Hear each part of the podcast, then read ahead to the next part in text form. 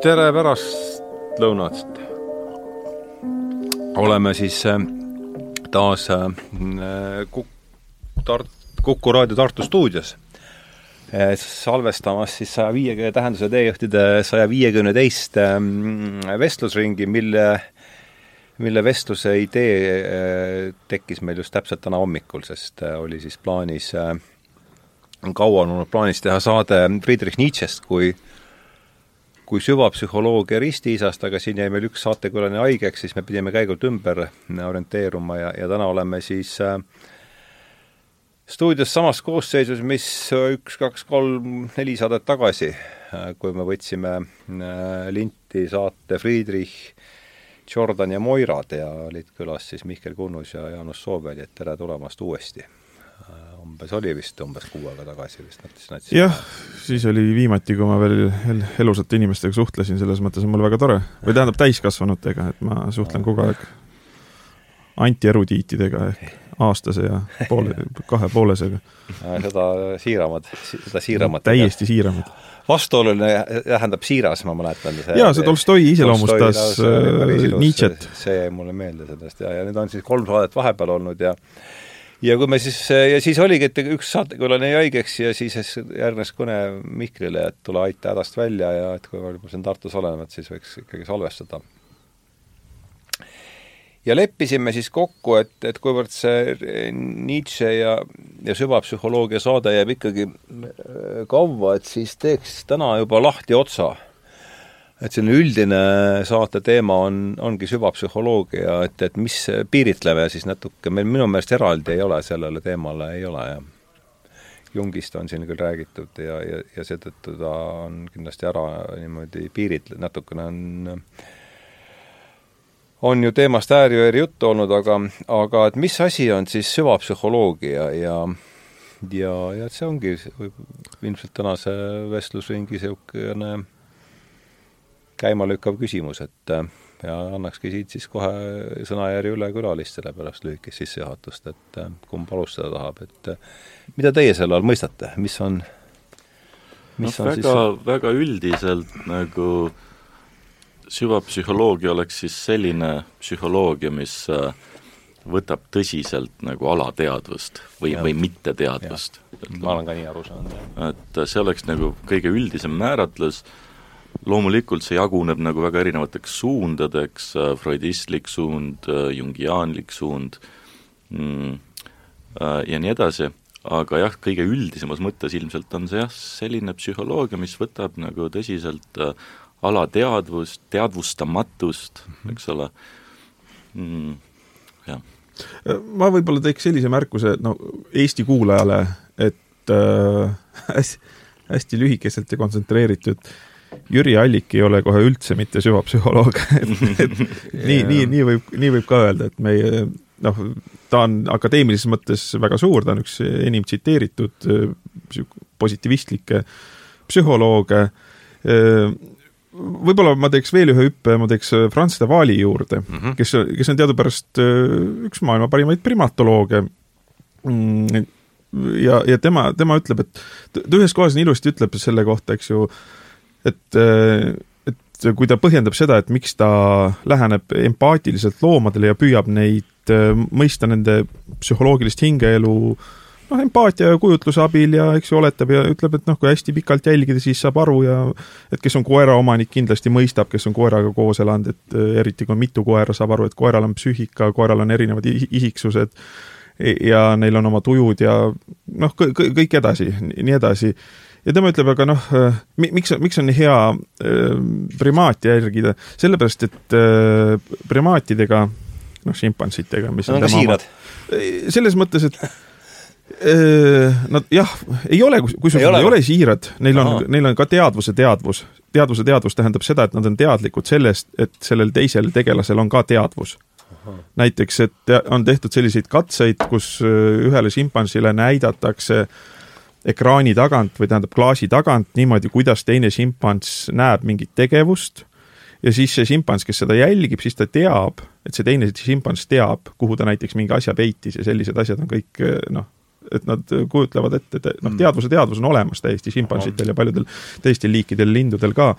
Aga Franz de Waal ütleb noh, et miks ta on niisuguse, miks Franz de Waal on suhteliselt üleolev või noh, põlgav sellise, sellise psühholoogia kohta või suhtes, mida praegu palju tehakse, eks ju, et igas uuringud, testid, küsitlused ja just sellepärast, et eh, inimesed Joon, valetavad. joonlauapsühholoogia. jaa, inimesed valetavad, eks ju, siin on eh, tõesti Freudist teada on ju N pluss üks egokaitsemehhanismi inimesed ise ei tea tihti, et nad valetavad, nad usuvad ise, et nad käituvad ühtemoodi või, või käituvad ühe asja moodi. vot see, siin on jälle hea põige teha Jordan Petersoni juurde, ütleb, et kui inimene käitub ideoloogiaid välja, mitte ta ei räägi neid mm, -hmm. sest inimene ei pruugi ise teadlik olla ideoloogiast. Ja, ja. Ja, ja nii edasi, no kehastab neid. kehastab, jah. ja, ja, ja selles mõttes on alati, kui sa tahad teada, mis ideoloogiat inimene kehastab, on vaata tema käitumist mm. -hmm. ja mitte kuula teda, mitte ära kuula tema eneseraporteid ja loba ja niisugust asja ja no primaatidega on see pluss, et neil ei olegi seda loba,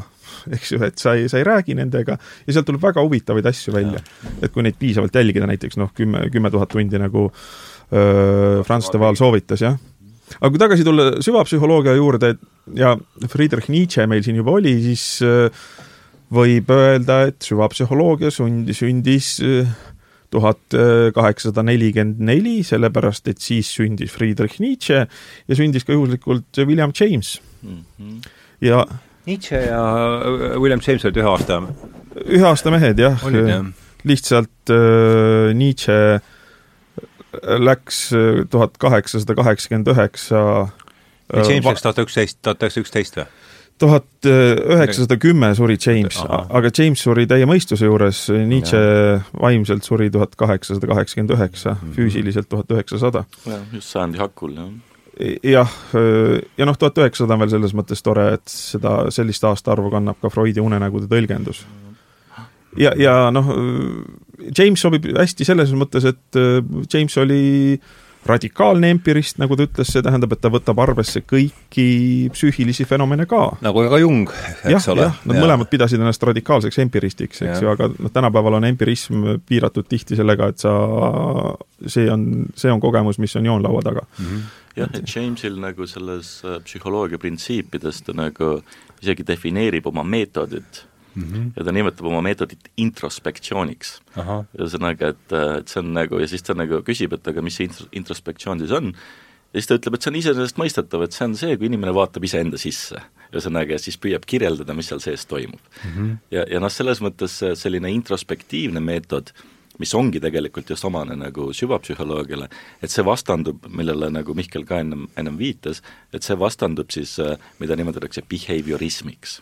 ühesõnaga, et see vastandub sellele, või sellisele lähenemisel, mis nagu vaatabki ainult käitumist, ühesõnaga seda välist, ja siis selle mm. käitumise põhjal teeb mingisuguseid selliseid noh, üldistusi, just, et ja, ja see on üks, üks nagu põhivastandus, mis, mis tõesti nagu tekib, on siis nii-öelda siis selline behaviorism ja, ja siis selline süvapsühholoogia.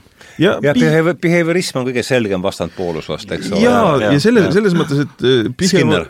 jah ja,, Skinner on jah, üks legendaarsemaid kujusid, et behaviorism on isegi psühholoogia eitus, sellepärast ta modelleerib ju uuritavat objekti või vaba, no tegelikult peakski ütlema uuritavat objekti mitte subjekti, sest seal yeah. ei ole subjekti, eh, black box'ina ehk musta kastina. et mm -hmm. stiimulreaktsioon on see põhiline yeah.. et sa vaatad, millise stiimuli teed ja milline reaktsioon tuleb. ja, ja iseenesest ma saan Skinneri sellest äh, lähtepunktist aru, kuna ta ütleb, et see, mis seal ikkagi... sees toimub, on nii hägune, udune ja äh, verifitseerimatu ja teaduslikule meetodile allutamata, et jätame kõrvale selle üldse mm. -hmm aga siis äh, nii Nietzsche kui, kui, kui William James kui Jung, eks ju, nad kõik ütlevad, et noh, on jah, joonlauaga mõõdetamatu, aga see on sellegipoolest oluline ja me saame seda, sellel teel minna sügavamale ja arendada ja seda, seda ka kuidagi vahendada ja kommunikeerida mm. -hmm. just nimelt. see, et midagi on nagu mõõdetamatu, noh, kvantitatiivselt et see ei tähenda seda, et me peaksime nagu oma tähelepanu sellelt täielikult ära pöörama või või ütleme, seda ei ole olemaski järelikult. pole olemaski, täpselt mm. -hmm. et siin ongi noh, see, ja siin tekib noh, see teine vastandus, et nii-öelda selline behaviorism kasutab siis ütleme, selliseid kvantitatiivseid meetodeid, ühesõnaga meetodeid, mis põhinevad mõõtmisel tõesti, ja siis selline süvapsühholoogia pigem selliseid noh, kvalitatiivseid, et mm -hmm kvalitatiivseid ja jutustavaid ja, ja jutustavaid ja täpselt mm. -hmm. ja noh, selline, noh selline behaviorism iseenesest tegelikult läheb ju tagasi noh, Descartesini juba, et noh, Descartes jagas tõesti nagu noh, Descartes on dualist, selles mõttes, et ta nagu tema järgi nagu maailm mingis mõttes nagu jaguneb, ütleme, kaheks eri substantsiks, selline mõtlev substants, res cogitans mm, -hmm. ja siis selline ulatu, ulatuvuslik substants, res extensa. see on see asi, mis võtab ruumi, eks? just, just ja, ja siis äh, noh, seal, sellest dualismist nagu kuidagi nagu juhtus see või selle dualismi nagu põhjal hakkas see juhtuma, et et ka see nii-öelda see res cogitans, et ka seda saab uurida tegelikult nende loodusteaduslike meetoditega, ühesõnaga, et mida, et et ja, ja, ja nii see, nii see, nii see selline noh, behaviorism jah, et, et al-, alguse sai Richard Tarnas, kes, kelle loengud me siin ka, ma pidasin EBS-is äh, loeng, noh üle traadi muidugi, äh, aasta lõpus ja tema, ta kasutas head kujundit, et need loodus, et see, see meetod, mida siis kasutasime seal äh,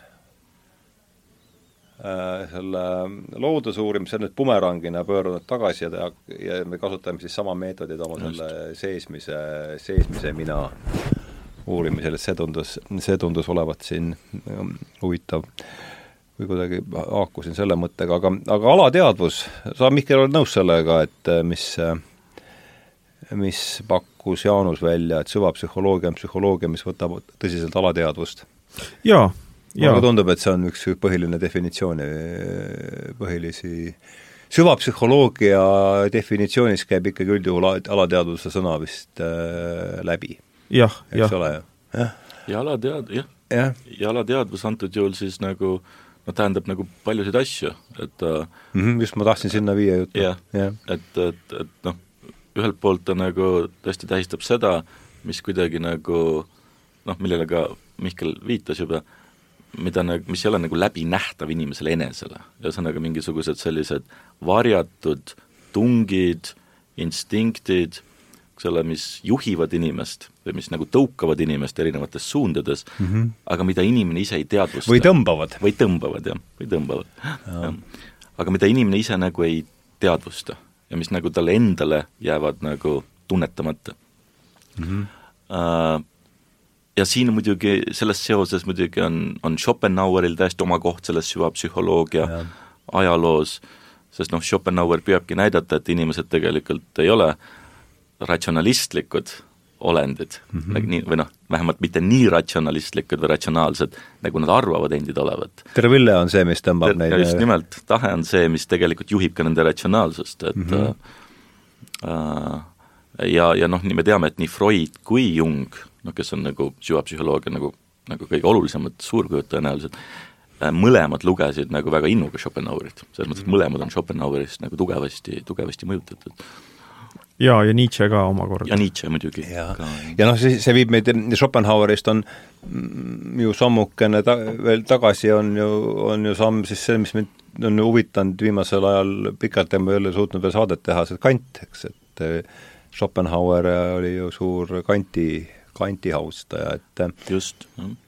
aga jätame kanti praegu veel varu, varusse, et, et äh, alateadvus ja üldse see tõlketraditsioon, eks äh, inglise keeles on ta subcon-, subconscious, eks subconsciousness. Unconsciousness ka. ka unconsciousness ka, jah. nagu erinevaid. ahah, seal ka on ja, seda, jah? no ja täpselt, ja sama.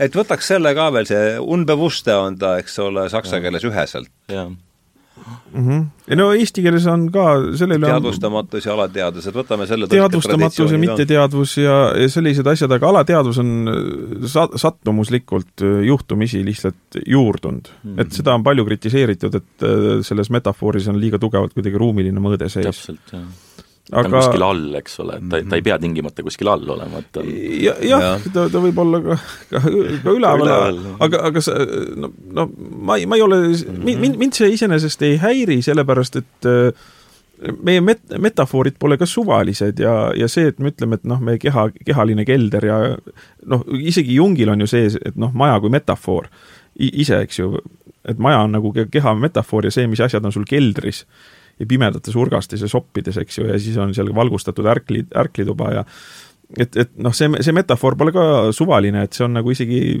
adekvaatne, eks ju. ja, ja tihti on ju see, et äh, oma alateadlikke asju, noh, Jung viis selle eriti kaugele, me annamegi edasi metafooride ja kujundite läbi.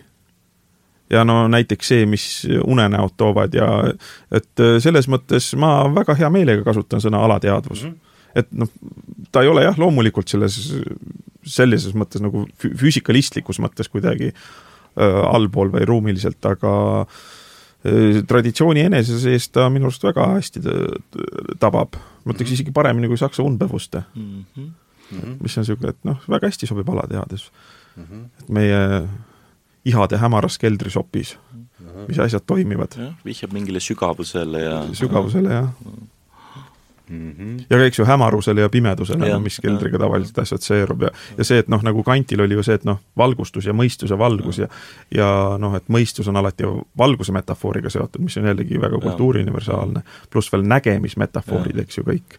et kas sa näed seda probleemi ja see, see, see sõnastus on kuidagi hämar ja oleks vaja valgustada ja nii edasi ja siin mulle meenub veel see, siin on muusikal erakordne roll, mis siin üldse on ka, eks ju, Schopenhaueril, kus, kuidas äh, Spengler ütleb, et noh, muusika on üks väheseid äh, kunsti, kunstivorme, mis on äh, välja jäänud valgusmaailmast, mis, mis meie jaoks on hakanud tähistama maailma üleüldse et see on väga oluline, et see valgusmaailm, see, mis on silmale nähtav ja silm tajub ju eelkõige ruumilisi asju mm, -hmm. mitte ajalisi ja muusikalisi asju. Et äh, see valgusmaailm on hakanud tähistama maailma üleüldse. kes seda ütles, Schopenhauer või? Äh, Spengler ah,, Spengler, Spengler.. aga Schopenhaueril oli muusika tõesti nagu erakordselt oluline, et see ja. oli kuidagi nagu tahte selline sisemine, ma ei tea puhas, puhas väljendus, väljendus ja kusjuures seal, seal ka see, et noh, seal jäävad valgusmetafoorika jääb hätta nagu mingis mõttes mm. -hmm. me ei saa öelda muusika kohta, et ta on pime või, või valge, valge või et ta on, ta on teine, teine maailm, teine substants täiesti niisugune mm -hmm. et sellepärast on ta seal väga oluline olnud. sellel Richard Tarnase loengutes ju oli ka see muusika näide, et ja, ja. ta tõi täpselt samamoodi selle. ja, ja. ja mis oli veel, ma praegu läks endale mõte jah, läks, praegu läks, tahtsin midagi lisada siin, aga juba läks mõte kaasa. aga jah, Schopenhauer, ma mäletan, mul oli esimene vestlus, ei, see ei olnud päris esimene vestlus Jungist, Jung käis läbi ka tegelikult, kui meil oli Gerri Kotta ja Erkki Sven Tüür neljas saade, aga, aga ütleme, esimene Jungile täies ulatuses pühitud, pühendatud saade ja ma olin siis täiesti niimoodi alles hakkasin kobama seda asja ja seal oli siis Ivar äh, Trööner ja Alar Tamming ja Tröö-, Trööner niimoodi kuidagi iseenesest äh, mõistetavalt vis-, viskas selle, et et Jung on ju kantiaan.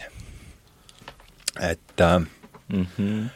et tol hetkel noh, mul seal kõik see asjad mm, -hmm. veel kord, et ma alles hakkasin mingit pilti endale looma sellest, et mm -hmm. ma saan mhm. sellest äh, lausest palju paremini aru, aga kuidas teie seda äh, lauset äh, või seda mhm. mõtet äh, mängige palun põrgatage palun selle palliga natukene. see on väga huvitav jah, et ma ütleks, et ta on nagu mingis mõttes on kantiaan, aga mingis mõttes ei ole ka et äh, et noh, selles mõttes ta ütleme, on kantiaan, et äh, või noh, biograafiliselt on teada, et ta nagu suhteliselt noores, noores eas luges, lugeski nagu väga ja. pingsalt Schopenhauerit ja Kanti. see, neid kahte ja no muidugi Kant on Schopenhauerile ka ülioluline, et et, et selles mõttes tal see taust on nagu täiesti olemas ja ta on nagu kuskil on seal mälestustes ja mis tal on need unenäod, seal on lause, et Kant ainsana hoidis tal kuidagi veel katuse ja. peal oli midagi seal. jah, sest tal olid mingid jah, mingid probleemid või noh, personaalsed mingid kriisid uh,.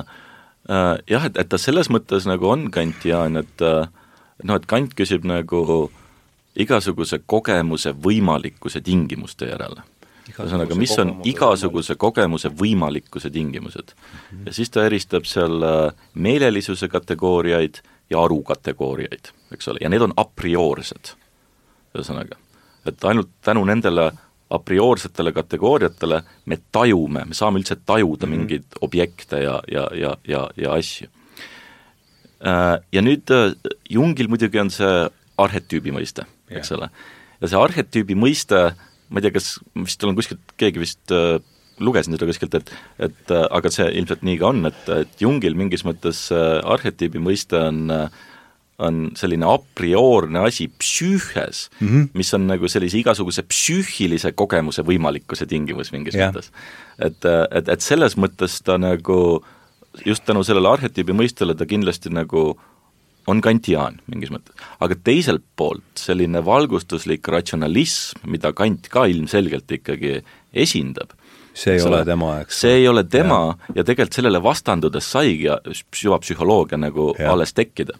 et, et ta on saanud Kantilt kindlasti mõjutusi, aga, aga ta ei ole ikkagi puhtalt kantiaan, et, et väga, väga ebapuhtalt, noh, no mõtle, mõtleme sellistele asjadele nagu sihu-, niisugused kategooriad nagu ruum ja aeg mm -hmm. või põhjuslikkus, eks ju, niisugused korralikud, puhtad, selged, Need ei arusaadavad ole maailma omadused, vaid need Jaa. on meie meele mm, -hmm, meie meie Kant- meele omadused on meie psüühia omadused. jah, eks ju, niisugused ilusad, puhtad, selged, valgustuslikud, arusaadavad mõisted. ja nüüd paneme sinna kõrvale näiteks trikster või, või kangelane eks ju, niisugused, või hakkame arhetüüpe sinna kõrvale panema, siis me saame aru, et nad on ikka, ikka väga teisest puust asjad mm. -hmm. ja see, see noh, Kant on ikka hardcore mõistuslane mm -hmm. mingis mõttes ja oma väljenduses mm. -hmm. aga Jung kuidagi ei karda minna hämarusse ja öelda, et mõned kujud ongi hämarad, eks ju. ja kuidas me neid väljendame. et, et see, et selles on see väga, väga suur erinevus. et noh, William, William James tõi jumala ühe, ühe huvitava näite, eks ju, tema vaatas ka niimoodi temperamente, inimeste häälestatusi ja siis, eks ju, noh, ühed vastandlikud ihad on või niisugused asjad, mis motiveerivad tunnetajat, üks on hirm eksida mm, -hmm. eks ju, mis tõukab kohe skepsisesse, keerab skepsist peale ja, ja teine on iha teada saada. mm.. ja need töötavad üksteisele vast-, vastu, eks, sest äh, noh, sa võid, sa, no nagu Descartes alustas, eks ju, mis on see, mida ma saan teada absoluutselt kindlasti nagu maksimaalset tõsikindlust, eks ju. see tähendab, et sa oled üliskeptiline ise, ise, igasuguste natukenegi kahtlasemate asjade suhtes, eks ju. sa nii, nii, nii meeletult kardad eksida, et sa otsid absoluutset kindlust. ja, ja siis äh, teises otsas on noh, sellised, kes no nii väga tahan teada saada, et ma, ma lepin sellega, et asjad on hämarad mm. -hmm. aga nad lihtsalt on, eks ju. see, mis alateadvused on, need ongi hämarad, need on raskesti väljendatavad, ka introspektsiooniga ei saa nendega väga hästi libi, ligi, eks ju. või võrdleme meetoditena näiteks äh, jo, joon lauda või kaalu mm, -hmm. ja teine meetod on unenägu Jah. eks ju me saame aru, kui, kui radikaalselt seal see tõsikindluse nõue erineb. aga noh, mõndad, mõndadele asjadele ei pääse võib-olla paremini ligi, kui no ongi unenägu mm. -hmm et äh, vaatame unes siis ja analüüsime seda unenägu ja proovime sealt kuidagi mõistatada. me saame aru, et seal, sel-, selles meetodis nüüd tõsikindlusega on nüüd väga vähe pistmist. aga mis teha, kui mingile olulisele asjale muul viisil ligidale ei pääse mm? -hmm. et, et need on siis need inimesed, kellel iha teada saada domineerib märksa suuremalt kui hirm eksida. ja, ja Jung on kindlasti selles, selles jah, jah, pigem seal. ei karda eksida. jah, sest no näiteks, mis, keda Kant veel väga tugevalt mõjutas, oli David Hume, eks ju, kes ütles ka, et äh, David, et Kant äratas ta dogmaatilisest nõidusunest ja siis tema hakkas ka suurt tõsikindlust taga ajama. Hume mõjutas Kanti ikkagi, pigem sedapidi vast või?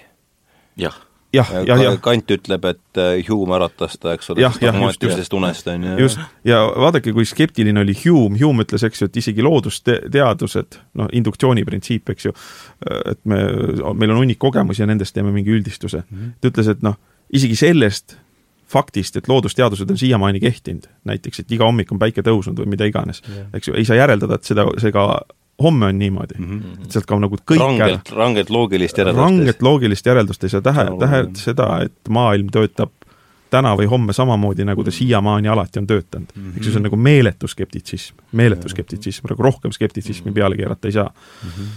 jah, et, et selle tõepoolest, et, et see noh, seda sellist äh, valgustuslikku ratsionalismi ja optimismi, just sellist valgustuslikku optimismi Jung jah, tõesti nagu Kantilt üle ei võta, aga selle kollektiivse nagu alateadvuse väljatöötamiseks või selle mõiste kujundamiseks, selle idee kujundamiseks oli, oli, oli, oli, oli see Kanti kategooria õpetus ikkagi nähtavasti talle päris just see a jah. kategooriate olemasolu ja aga kuidas nüüd, kuidas sa Kant, no lääne filosoofia on ääremärkused Platonile, eks, et, et kuidas nüüd see võtame kõigepealt Kant ja Platon, et mis, mis nendest, kuidas ma, no Kant on Kant on, võiks öelda, Kant on uus aja Platon selles mõttes, et eks ole, jah.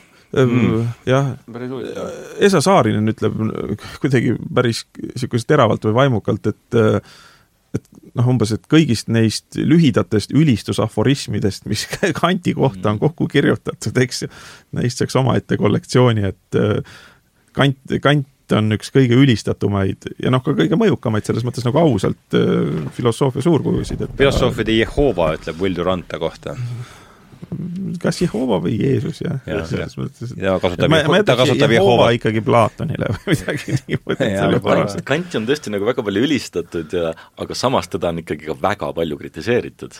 aga räägi sellest, mis, mis ta peamine kriit-, kes seda, kes, kes on Kanti peamiselt kritiseerinud, ma kuidagi läheb, kisub sinna Kanti poole, aga no see hakkab Schopenhauerist pihta mm, -hmm. siis Nietzsche muidugi, Nietzsche on väga suur Kanti kriitik. ahah, mis ta, mis ta, mida heidab Nietzsche Kantile ette? Äh, noh, kõigepealt järjekindluse puudumist, selles mõttes, et äh, järjekindluse puudumist? radikaalsuse puudumist, jah. et, et, et ühelt poolt nagu radikaalsuse puudumist siis või? järjekindluse ja radikaalsuse ah, mõlema, mõlema, mõlema, mõlema no, väga huvitav, väga huvitav, jätka palun. et, et mida, selles mõttes järjekindluse, et, et mida nagu Kant teeb, eks ole, et ta püüab tõesti nagu lasta õhku, ütleme natuke sellisesse dogmaatilisse äh, filosoofiasse ja ta näitab, et mõistusel, sellepärast mõistuse kriitika, puhta mõistuse kriitika, et mõistusel on omad piirid uh, -huh. eks ole. ja mõistus ei saa oma piiridest nagu, nagu üle uh -huh.. ühesõnaga, ja, ja ja siis noh, kui näiteks varasemad metafüüsikud, kantieelsed metafüüsikud nagu arvasid, et nad võivad niimoodi noh, vabalt rääkida Jumalast ja surematust hingest ja ja sellistest asjadest, siis Kant näitab, et tegelikult meie mõistuse äh, ei suuda nagu või ta ei ulata, et, et need jäävad sinna piiri taha, et me, et me ei ole nagu õigustatud. kui me tahame see olla Tingansich jääb teisele poole Tingansich on üks asi, aga ka Jumal, eks ole, ka Jumal ja sellised asjad, et need on sellised mõisted, eks ole, kuhu meie mõistus lihtsalt ei ulatu, et kui me nagu nii äh,, äh, aga teiselt poolt ja nüüd mõistus ei ulatu, jah? või Mõist... taju ei ulatu? Äh, mõistus. mõistus, jah ja.. see on siis anti-... kumbki ei ulatu. no aga pla-, kas ma, paranda mind, kui ma eksin, ma saan aru, et Platon ütleb, et vormideni meid ei ulat-, ei, ei vii meid taju, aga mõistusega me suudame neid ometi haarata. just. sellega oled nõus Sel...? või sa, saame ühtemoodi aru? ütleb küll nõnda, jah. ütleb nii, eks, jah aga Kant selles mõttes ongi erinev. ja, ja ma mõtlengi jah, et seal ta erineb Platonist, eks, et, et, et, ta isegi mõistusega ja. ei saa nendele järele. jah, ta näitab, et, et on mingid asjad, mida, et kui me tahame olla nagu mõistuspärased ja ratsionaalsed, siis me mingitest asjadest ei tohi rääkida, me ei saa rääkida neist mm, -hmm. meie mõistus ei ulatu sinna ja see on näiteks Jumal ja hinge surematus või mingid, mingid sellised asjad, millest nagu varasemad metafüüsikud nagu rääkisid väga palju või kirjutasid väga palju mm, -hmm. nii. aga, ja see on siis, ütleme siis nii-öelda noh, puhta mõistuse kriitikas, aga Kant ikkagi nagu, ja see on nagu Nietzsche kriitika, et ta nagu tagaukse kaudu toob uuesti sisse sellesama Jumala, surematu hinge, eks ole mm, -hmm. universaalsed moraaliprintsiibid yeah., ühesõnaga, et ta toob nagu, nagu tagaukse kaudu kõik sisse.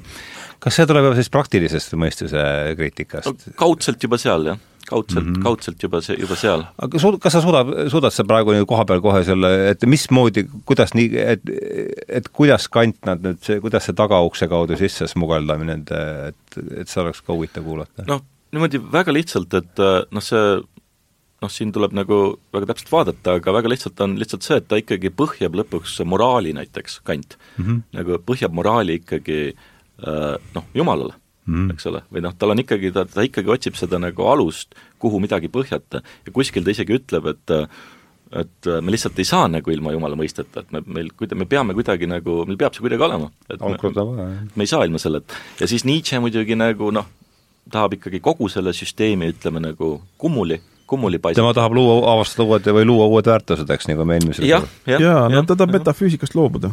No metafüüsikast täielikult loobuda, jah. Nietzsche, jah? jah, jah. ah, niimoodi ütlete, jah. ja Heidegger ütleb pärast, et ta ei saa hakkama, ma loobun ise paremini kahekümnenda sajandi filosoofia ajalugu ongi selline, et kõik nagu ületavad seda metafüü-, metafüüsikat, aga siis tuleb järgmine, kes ütleb, et ei, ta ikkagi jäi sinna metafüüsika sisse, et hoopis mina ületan et käib võidu metafüüsika ületamine. et see on aga paneme palun sellele lausele veel äh, värvi juurde, et Nietzsche tahab metafüüsikast täielikult loobuda, et mis see siis on, kuidas, millest see väljendub või et äh, ma võin aimata ju midagi? no ma, ma võib-olla ütleks nagu, tooks juurde, et noh, esiteks Nietzsche on hilisem, eks ju, äh, Kant suri tuhat kaheksasada neli. Nietzsche, Nietzsche sündis tuhat kaheksasada nelikümmend neli, eks ju, pilt tuli, Nietzschele tuli pilt ette pärast Darwinit, pärast Darwini liik, liikide tekkimist, eks ju, siis tuli mis on pilt tuhat kaheksasada viiskümmend üheksa, jah, et siis oli pilt ees. Ja ta oli seda lugenud, eks ju, ja noh, vahepeal oli Hegel teinud kõva hist-, historiseerimise selles mõttes, et äh, absoluut ja need on kõik ajaloolised ja noh, maailmatajus oli juba tekkinud see arusaam, et see, kus me oleme oma asjadega, et see on väga-väga ajalooline ja sügavalt ajalooline. ja Darwin võimendas seda veelgi ja veel seda, et noh, ka inimene on hästi ajalooline. ja siis noh, nii, Nietzsche võtti, võttis selle aluseks mingis mõttes, et eks ju, me olemegi väga ajaloolised ja evolutsioonilised ja, ja niimoodi. aga Kantil oli ikkagi, eks ju mm, -hmm. noh, Kant oli ikka veel, veel võiks öelda see mees, kes järsku laks lööb silmad lahti, on olemas, eks ju, siis, siis vaatab, kuidas me siin olemasolemises oleme ja uurib seda hästi pingsalt mm. -hmm. et selles mõttes, eks ju, et jah vaata, mis on, mis on üldse tegelikult nagu Kant siis, väidad, et Kant ei ole evolutsiooniline mõtleja või tahad sa see on väga oluline küll, see on väga oluline punkt selles mõttes, et, et mõlemad olete nõus sellega? jaa, no, no, no selles mõttes, et anna talle andeks, ta suri tuhat kaheksasada neli. aga, aga selles mõttes, et, et see on, see on, see on väga oluline, oluline asi küll, et et Kantil ikkagi need noh, arukategooriad, eks ole, ja ka ega meelelisuse vormid aru midagi, ise ei ole evolutsiooniline kanti. just nimelt, ühesõnaga, ja noh, võib-olla see evolutsiooniline on, on üks sõna, võib-olla parem sõna on isegi ajaline. ühesõnaga, et, et see, mis nagu kanti ütleme, nendes mõistuse, ütleme, struktuurides on puudu, on just aeg. ja see on nüüd, see ei ole nüüd ainult enam Nietzsche, vaid hilisemad nagu äh, mõtlejad on just nagu, see on üks oluline asi, mida nagu Kant, Kanti puhul on kritiseeritud, et et, et need mõistuse kategooriad, et ta näeb neid kuidagi universaalsena ja ajatuina mm. -hmm. universaalseina ja ajatuina. ja see on nüüd väga see on nagu väga Plato, jällegi platonlik. see on see, mis teda nagu veel ühendab Platoniga, eks ole, mingit, mingit pidi, aga jällegi see on noh, omade kindlalt erinevustega. aga ja see on aga, nagu aga väga selged metafüüsika tunnused, eks ju. ajatus, ajatus, et aeg on tõesti see, mis tuleb nagu väga võimsalt sisse, ütleme, üheksateistkümnendal sajandil tõesti Darwiniga no Darwin on murrang siin, eks ole. aga Hegel on väga oluline autor. ja, ja, ja noh, Darw-, Hegel mõjutas Darwinit ikka kõvasti et, et see on jah, tõesti üks asi, mis nagu ja nüüd seda tegelikult on ka Jungile ette heidetud, et ta ikkagi nagu kujutab neid arhetüüpe natuke ajatuina kuidagi ja, ja, ja kuidagi nagu staatilistena, liiga staatilistena, et et et see, et, et, et selles mõttes võib-olla Jung jah, selles mõttes võib-olla ta isegi oli ja, või jäi kantiaaniks, et mm, -hmm. et ta ikkagi ja selles mõttes siis ka platonistiks, eks? selles mõttes ka platonistiks, jah ja, ja kui, kuigi ma, ma teeksin niisuguse pehme, pehmendava möönduse, et kui me vaatame, kaua liik on arenenud, eks ju, ja inimese psüühika, siis noh, me võime, me võime öelda, et inimese psüühikat me jälgime justkui need arhetüübid oleksid igavesed mm. eks ju, nad on mm -hmm. pika aja jooksul välja kujunenud ja nüüd me uurime neid niimoodi ja tööhüpoteesina no, võime öelda, et nad on igavesed või noh mm -hmm., need, mis meil on ja mm. ja, ja kusjuures vot seda, vot see on nüüd väga huvitav, minu arust vot Richard Tarnas on see, kes ikka väga hästi oskab seda inimese psüühikat äh, historiseerida või ajaloostada. Mhm. -huh. vaata see, kuidas tema psüühika on käinud. vot noh, sihu-, niisugune mõtteviis oleks küll nagu Kantile täielik ulme või müstika olnud, eks ju. anna praegu palun värvi juurde natuke. no Richard Tarnas, eks ju, räägib äh, psüühika arengust läbi ajaloo ja millised on, millistel ajaloo etappidel, kultuuri arengu etappidel, tsivilisatsiooni etappidel olnud psüühika mm, -hmm. eks ju, ja kuidas inimene üldse psüühikat tajub ja kuidas me jõuame näiteks sellise kuidas üldse äh, Descartes saab tulla sellise mõtteni, et ja. mõtlen ja olen ja kuidas ma olen niimoodi ülesest maailmast lahutatud ja kuidas seda psüühikat üldse tajutakse, eks ju, aga võib öelda, et noh, on selline voog, aga Kant võttis sellest äh, momenti üles võtta mm -hmm. ja ülendas selle igaveseks mm. -hmm. ja noh, ma ei ütle, et see oleks nüüd väga suur patt, eks ma ütleks, et see on, see on, et see on nüüd väga, väga suur patt, sest noh kui, kui, kui sa hindad metoodilist rangust, siis ju või, võib ju nii teha. ja aga noh, selles mõttes ta ikkagi ja. jätkab seda vana metafüüsilist traditsiooni ja. selles osas. aga nüüd hilisemad mõtlejad äh, noh, eriti muidugi tegelikult kahekümne sajandi teise poole mõtlejad, ütlesime, aga, aga, aga juba ka Nietzsche, et nad ikkagi tahavad noh, tõesti selle metafüüsika taaga nagu täiesti ära dekonstrueerida ja, ja näha, et mis, mis uut sealt siis nagu võib avaneda või uued mõtlemisvõimalused äh, ja, ja noh, näiteks eks ju, kui, kui Kant räägib arust ja mõistusest, siis on tal nagu kuidagi, ma ütleks, et a priori on tal selge, mis aru ja mõistus on. aga, aga vaata, mida näiteks teeb, teeb Freud ja Jung. Nad toovad sisse ontogeneesi ehk inimese enda indiviidi arengu mm -hmm. ja näiteks milline on lapse mõistus mm, -hmm. eks ju, milline on nooruki mõistus, milline on mhm. rauga mõistus, eks ju, me paneme ise selle mõistuse ja aru, paneme muutuma mm. -hmm. ja siis me saame aru, et Kant tegi ka siit ühe momentülesvõtte.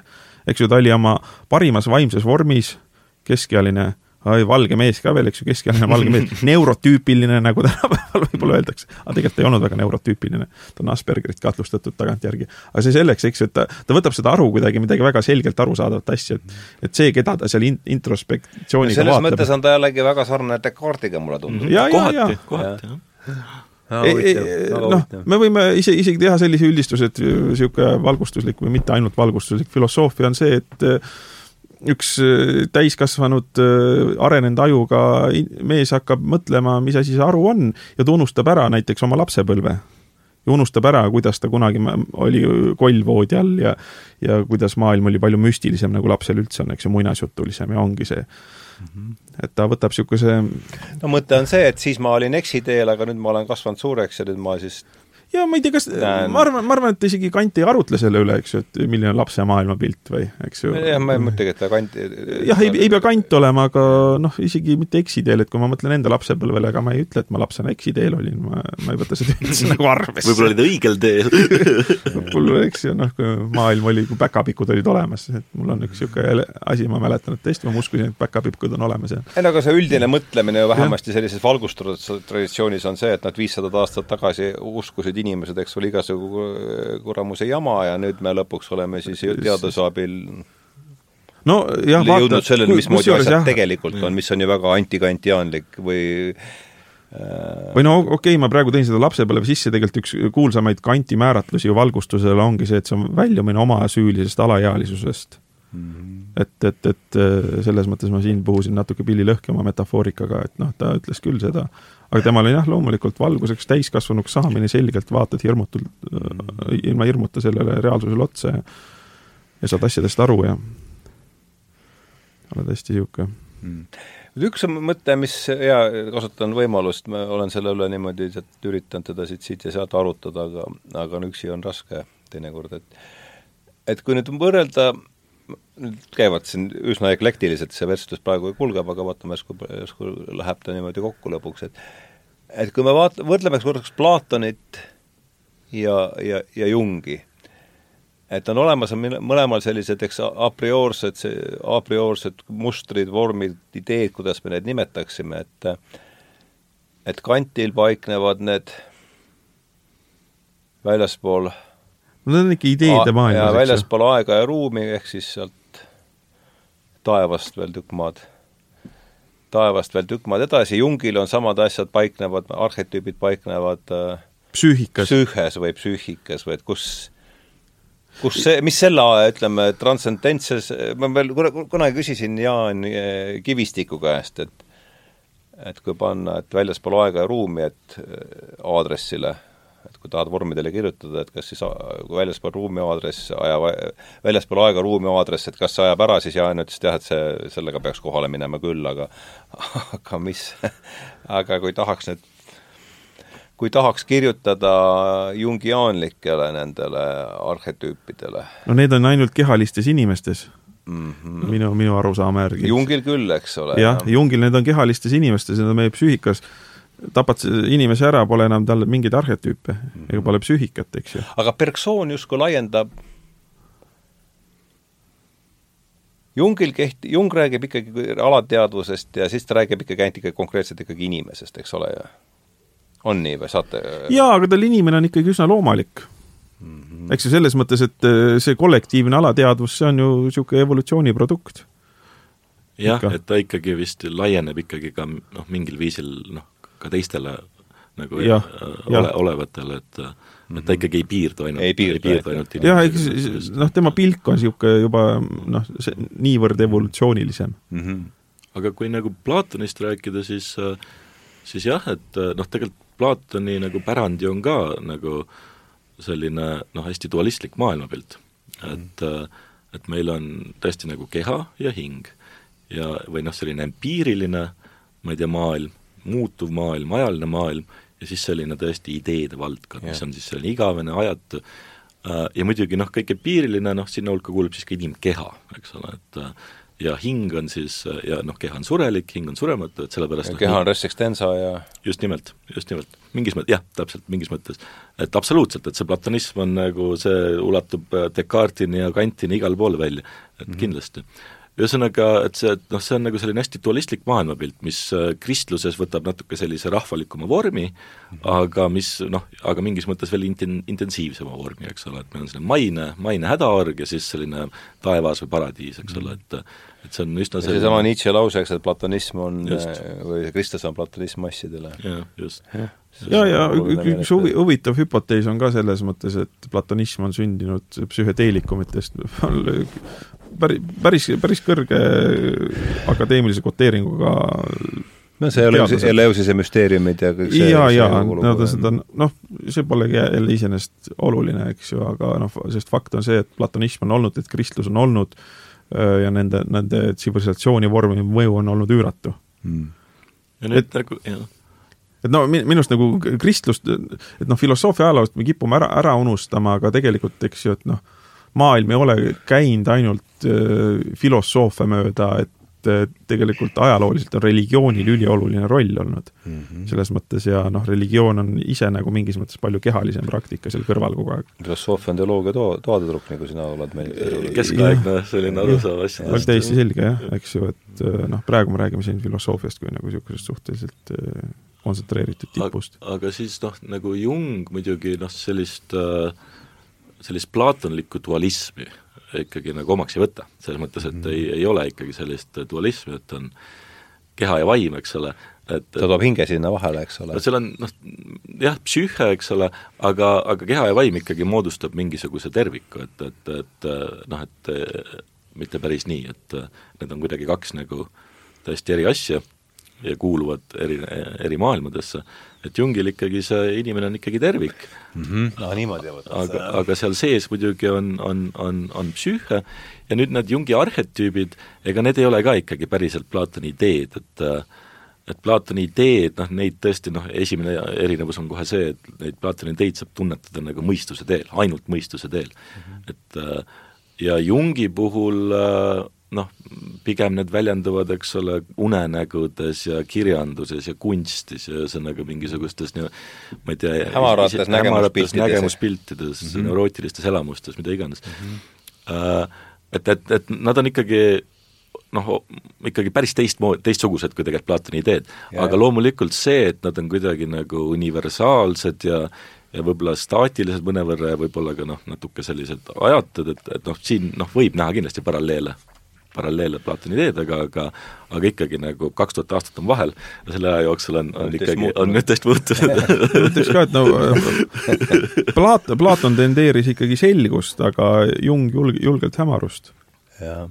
üks viis, kuidas mina olen enda jaoks seda asja, pole ju seal ka nii palju aega sellele, aga kui me vaatame Platonit nüüd, eks, et on, on see Platoni joon eks ole, transcendents ja immanents siin, eks. et siis viis, kuidas mina seda evolutsioonist vaatan, Platon on see joon, siis Plotinosel tekib siia see mingi vahevöö, ütleme siis vaim, äh, hing ja, ja, ja siis äh, aine, siis ta Augustinusel tõmbab jälle niimoodi, läheb see dualistlikuks, Aquino toob jälle tagasi selle vahevöö sinna ja Descartesiga ta kaob jälle Descartes läheb jälle puhtasse dualismi, et et kuidas selle, ma ei tea, et mis aga mis sa selle vahevöö all nagu mõtled või? no mõte, et me võtame kartesiaanliku dualismi, et kaks asja mm. on meil siis äh, vaim vaim ja keha vai,, vaim ja keha, eks, et sealt on põhimõtteliselt, ma näen nagu kolme teed sealt välja, et üks oletada, et vaimu ei ole, mis on puhas materialism, teine siis, et ei ole mateeriat, on puhas idealism või kolmas, see tähendaks siis kahest, ühe peale liikumist, aga kolmas tee on veel liikuda siis äh, äh, kahelt kolme peale. et, et mitte ei ole kaks kategooriat, vaid on nagu, nii nagu mina sellest asjast aru saan, on niisugune keskaegne Aquino, Aquino arusaam, et on hing, on siis äh, vahepealne. jah, et on vaim, hing ja, ja keha ja hing on siis justkui see hing on justkui siis see keha ja vaimu kasutaja liides või see, selles mõttes äh, vahevöö, et no tehast niimoodi olen mina üritanud seda segast asja endale kuidagi, kindlasti ma lähen sinna Jaa, lihtsustamises noh, paratamatult see, see on niisugune iseenesest hästi metafüüsiline arutelu, eks ju, et millised on maailma mingid põhikategooriad või substantsid. no just nimelt jah, seda ta on. on, eks ju, aga kui me rääkisime või öö, saate töö pealkiri pidi olema nagu süvapsühholoogia, eks ju, siis ma ütleks, et süva... süvapsühholoogia ikka uurib seda, mis seal selles samas vahevöös on, kui me selles no me võime, kui me võtame selle kolmikjaotuse omaks, siis, siis võib nii küll öelda, aga ma ütleks, et süvapsühholoogia üldiselt ei huvita mateeria või sellised nii metafüüsilised kategooriad mm. -hmm. et üldiselt ei huvita, eks ju, neid huvitabki psüühika mm, -hmm. me saame umbes aru, see on see sisemaailm, mis me näeme, eks ju. nojah, see, see joonis või see arusaam on lihtsalt selles, et kus see, kuhu see psüühika siis üldse panna selles suuremas metafüüsilises skeemis mu enda jaoks, ma olen sellega ja. nõus jah, et need et neid, neid, neid nagu see üldiselt ei huvita ja siin, ja siin tulebki, eks ju, see, et kas kas süvapsühholoogia on teadus, sest noh, asi on ka selles, et ta läheb ju sinna meditsiini piirialale ja meditsiin on ka hästi praktiline asi eks ju, et äh, sealt tuleb see normatiivsus tuleb sisse, üks mm, -hmm. üks väheseid kohti, kuhu on kusjuures normatiivsus ju jäänud. selles mõttes, et Hume täheldas ära selle väga selgelt, et äh, sellest, kuidas asjad on, ei saa järeldada loogiliselt või üheselt kuidagi, kuidas nad peaks olema.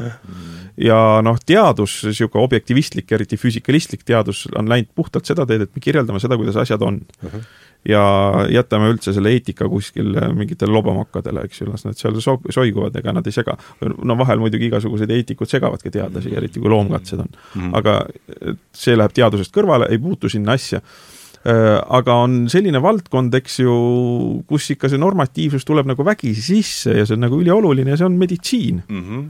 No. ja seal on, eks ju, haige või terve mm, -hmm. eks ju, ja nende, noh, on haige, aga peaks olema terve mm.. et sealt kuidagi see ja noh, loomulikult psüühikaga samamoodi. üks asi, et me lihtsalt tuvastame mingit neuroose, aga asi on ka selles, et seal tuleb kogu aeg see muutmistahe.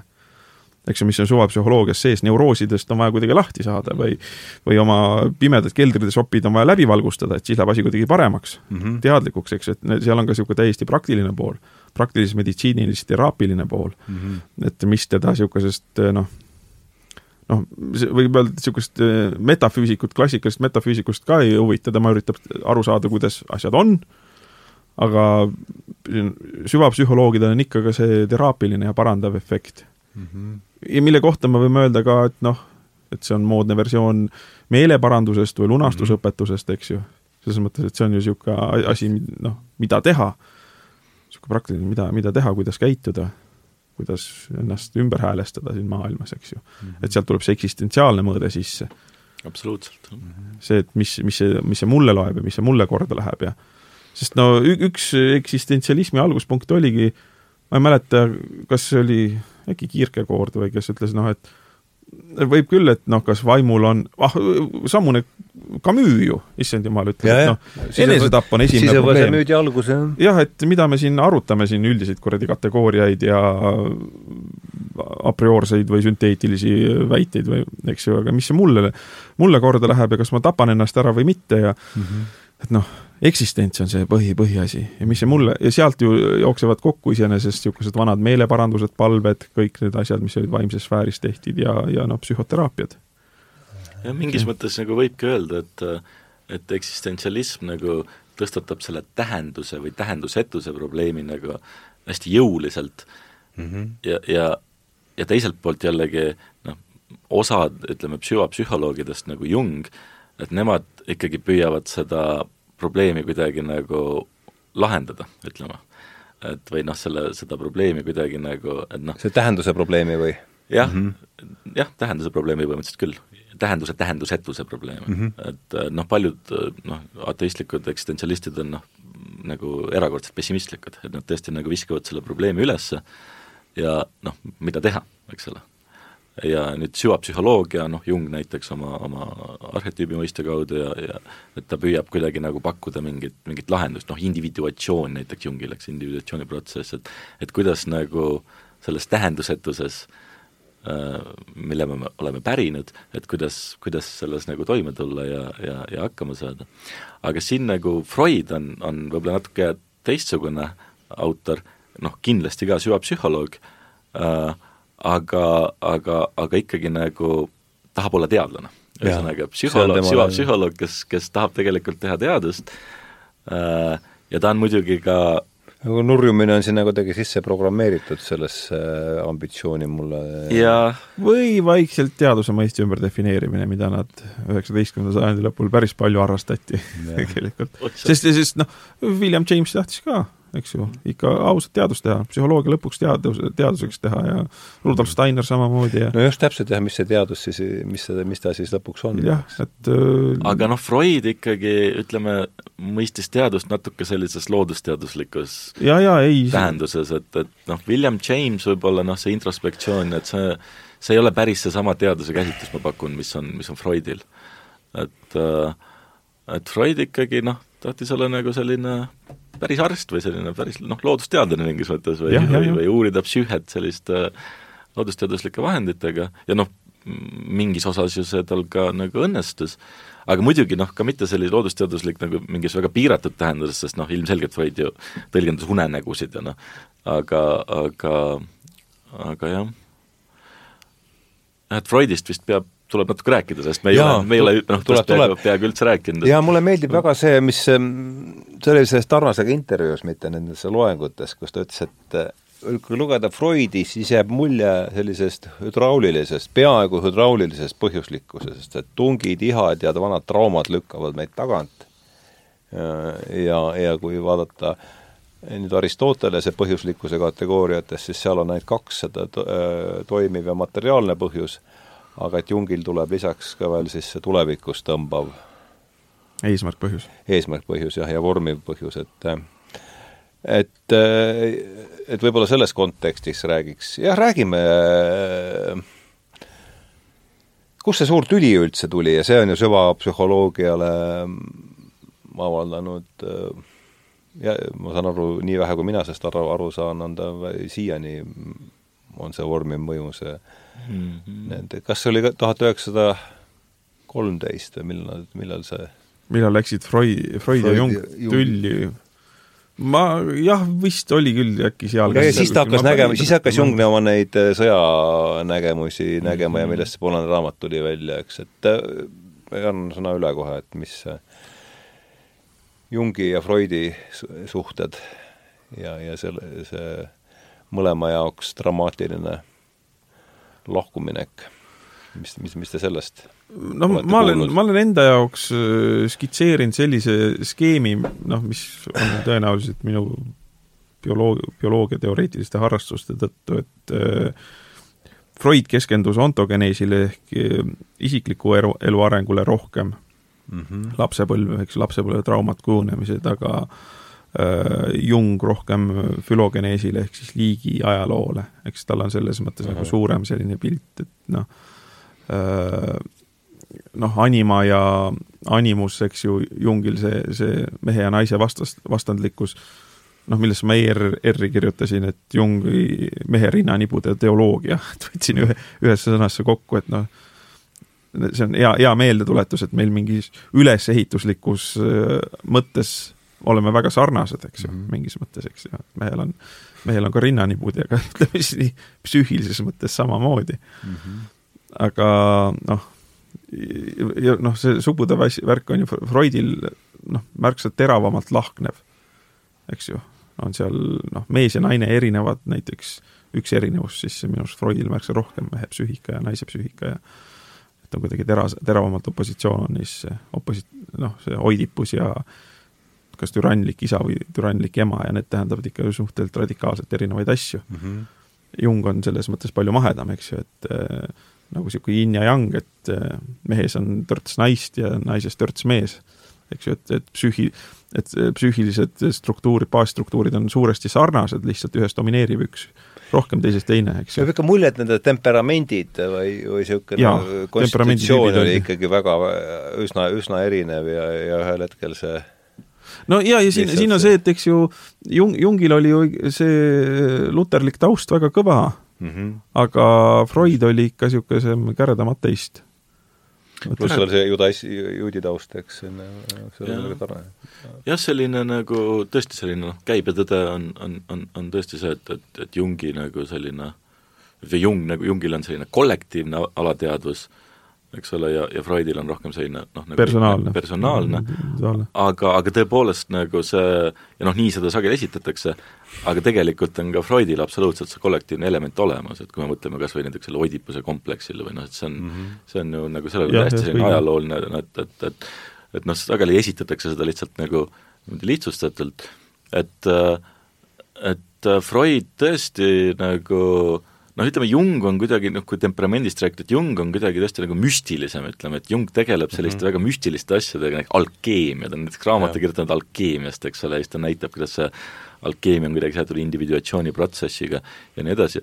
ühesõnaga, et, et Jung nagu on, on noh, tal on absoluutselt mingi selline müstiline, müstiline nagu poolus, Freud on äh, rohkem selline tõesti nagu selge, selline noh, ka teaduslik, selline ratsionaalne, ütleme, mõtleja, kes nagu äh, noh, kes, kes äh, Äh, ja, ja sellisena nagu hästi läbinägev ja nagu hästi nagu terav, selles mõttes, et, et, et Freudi nagu ei maksa üldse alahinnata. Mm.. et, et, et kui vaadata nüüd, et sageli on niimoodi, et nagu, et need nii-öelda Jungi järgijad või Jungi lugejad ja Freudi lugejad, et nad noh, kuidagi nagu ei saa üksteisega läbi või on noh, kuidagi nagu, et seal on mingi, mingi konflikt, aga tegelikult noh, ja, ja, ja need Jungi lugejad kuidagi nagu alahindavad Freudi või noh, nagu, nagu ei taha, nagu mängivad tema tähtsust nagu maha, Äh, noh, tegelikult ikkagi Freud on see, kellest sai ka Jung alguse. et, et, et Freud on, on, on, on ikkagi mis see vanusevahe oli? Kas üheksateist aastat? üheksateist aastat. üheksateist aastat, et ja noh, Freud on ikkagi kahekümnenda sajandi nagu mõtlemist palju rohkem mõjutanud kui Jung, et selles ei ole mhm. kahtlust. vot seda, seda, sellele juhtis tähelepanu Peterson, et me oleme Freudi võtnud, see suurema osa oleme tast võtnud nii osa, et me pole seda tähele enam isegi tähele. ja mäletame ainult tema vigu, eks ju. ja mäletame ainult tema vigu, jah, see oli täpselt kuigi Jungist on, Jungist on ka palju noh, kompleksid, eks ju, see on nagu täiesti käibesse läinud, eks ju, psüühilised kompleksid ja ja mul tuleb meelde üheksakümnendatel ju väga levinud need kuulutused, kus otsiti kompleksivabasid tütarlapsi et noh, täiesti käibesse. see, et jumalad avaldavad haigustena, see oli üks, kust sellest mõttest aru saate? ma hüppan siin nüüd küll niimoodi ka ühelt kivilt. Jung ütleb kusagil, et jumalad Äh, avaldavad haigustena. Kas see ei ole sul aa, psüühiliste haigustena või? psüühiliste haigustena, jah. no, no kui, kui sa mulle seda ütled, siis noh, mulle kohe tuleb jälle, jällegi Tarnas meelde ja, ja, ja, ja kõik, kõik, ja, ja ka Jordan Peterson, eks ju, kus ta, kus ta, kus ta räägib, eks ju, et kui inimest tabab viha või mingi psüühiline ja. seisund, eks ju, esiteks see siis on mingi jumala võtnud tema ja, puldi no, oma kätte? jah, et noh, varem, varem, varem öeldi selliste asjade kohta, et jah, ta on mingi seal sõjajumala mõju all par-, parasjagu. Ja, ja kui me niimoodi hakkame mõtlema, siis jah, saame aru, seletame, et noh, ega vanasti ei tehtud ju teadust, teadust, vaid üritati hmm. lihtsalt kommunikeerida mingeid teatud seisundeid ja asju ja noh, tõepoolest, eks ju, siis kas me oleme noh, kui oleme armunud, siis oleme selle, sest noh, armunu seisund on ju ka mingis mõttes niisugune rohkem või vähem lahjenenud seestumine mm. -hmm, et äh, me oleme lihtsalt sellega nagu, me oleme harjunud kirjeldama natuke teist, teist sõnavara, eks ju, aga see on ka noh, või nojah, kirjeldada seda kui patoloogiat või midagi, noh, mingi kinnisideesti, ideestumine või ja, ja loomulikult ta võib minna ju täiesti, täiesti rappa, eks ju, noh, kiremõrvad ja mis iganes ahistav, jälitav käitumine või, või mida iganes, eks ju, kus, kus inimene ise, eks ju, kannatab ja põhjustab teistele väga palju kannatusi. Um või no kui me hüppame noh, korraks kõige jälgimasse tänapäeva, eks ju, siis näiteks see, see, mis toimus Butšas, need veresaunad, eks ju, no, no mis kurat nende inimestega õhtus, eks ju, et vaatame, kui me siin turvalises kainuses vaatame neid, et siis nagu enamike reaktsioon on, eks, et need ei ole inimesed, et me ei kujuta ette niisugusi, et mm -hmm. keegi hakkab nagu lõbu pärast äh, lastele jalgadesse tulistama, nendega jahti mängima või midagi, et noh, et nagu me, meie normaalne mõistus vakatub sellise terrori ja õuduse eest mm. -hmm. mis kurat pidi nende inimeste psüühikas juhtuma mm? -hmm. eks ju, et neid, neid sihukesi võikusi tegema, mis mm -hmm. seal tehti ja nüüd, eks ju, mida ka korraldatakse praegu, kahekümne teisel sajandi või kahekümne esimesel sajandil, aastal kaks tuhat kakskümmend kaks, keset Euroopat, noh, kõigile viskab kuradi klemmid kokku. Aga eks ju, see on ka mingi psüh-, psüühiline fakt, mis seal on. see tuletab meelde seda lauset, mis palju, või seda mõtet Petersonilt, et, et see posttraumaatilises stressis ei ole mitte, et sõdurid, kes sellel kannatavad, ei ole mitte see, et nad oleks pealt näinud midagi, vaid vaid nad tegid ise midagi, milleks nad arvasid, et ei ole ja, võimelised, eks ju jah, see on huvitav, jah ja. et, et nad avastasid oma psüühikas mingi sihukese keldri. et sealt tuli sihuke koll nende seest välja. noh, sellest on muidugi kirjanduses nagu noh, palju kirjutatud, aga aga me alati kuidagi nagu unustame ära, et, et inimesed võivad, eks ole, tõepoolest ka kahekümne esimesel sajandil olla võimelised millekski, millekski selliseks. Et... ja kust üldse tuleb see mõte samas, et, et miks, miks peaks nüüd kahekümne esimene sajand kuidagi teistmoodi ja, olema, et et järsku need et äh, kogu kelder on nüüd siis ära, ära, ära krohvitud. ikka mingi progressi idee, mis meil ja. varjamisi meis kõigis kuidagi sees just, on. jah, see on ainus, eks ja. ole, see ja, ja see, no ja. ja loomulikult soovmõtlemine, eks ju, mis on ka ju hästi psühhoanalüütiline termin. ja willful blindness, mis käis, eks ole, meie eelmisest saatest ju jaa, et noh soov, mis see... oli soov pimedasse tõlkisid või? jah, soov pimedusega, noh, et noh, ja kui ma nagu praegu, noh, praegu mingis mõttes ju igasugune psühholoogiline arutelu käib väga palju, et noh, mis Putiniga on ja mis need venelased mõtlevad, aga kui me vaatame ka seda, kui suur on näiteks nende venelaste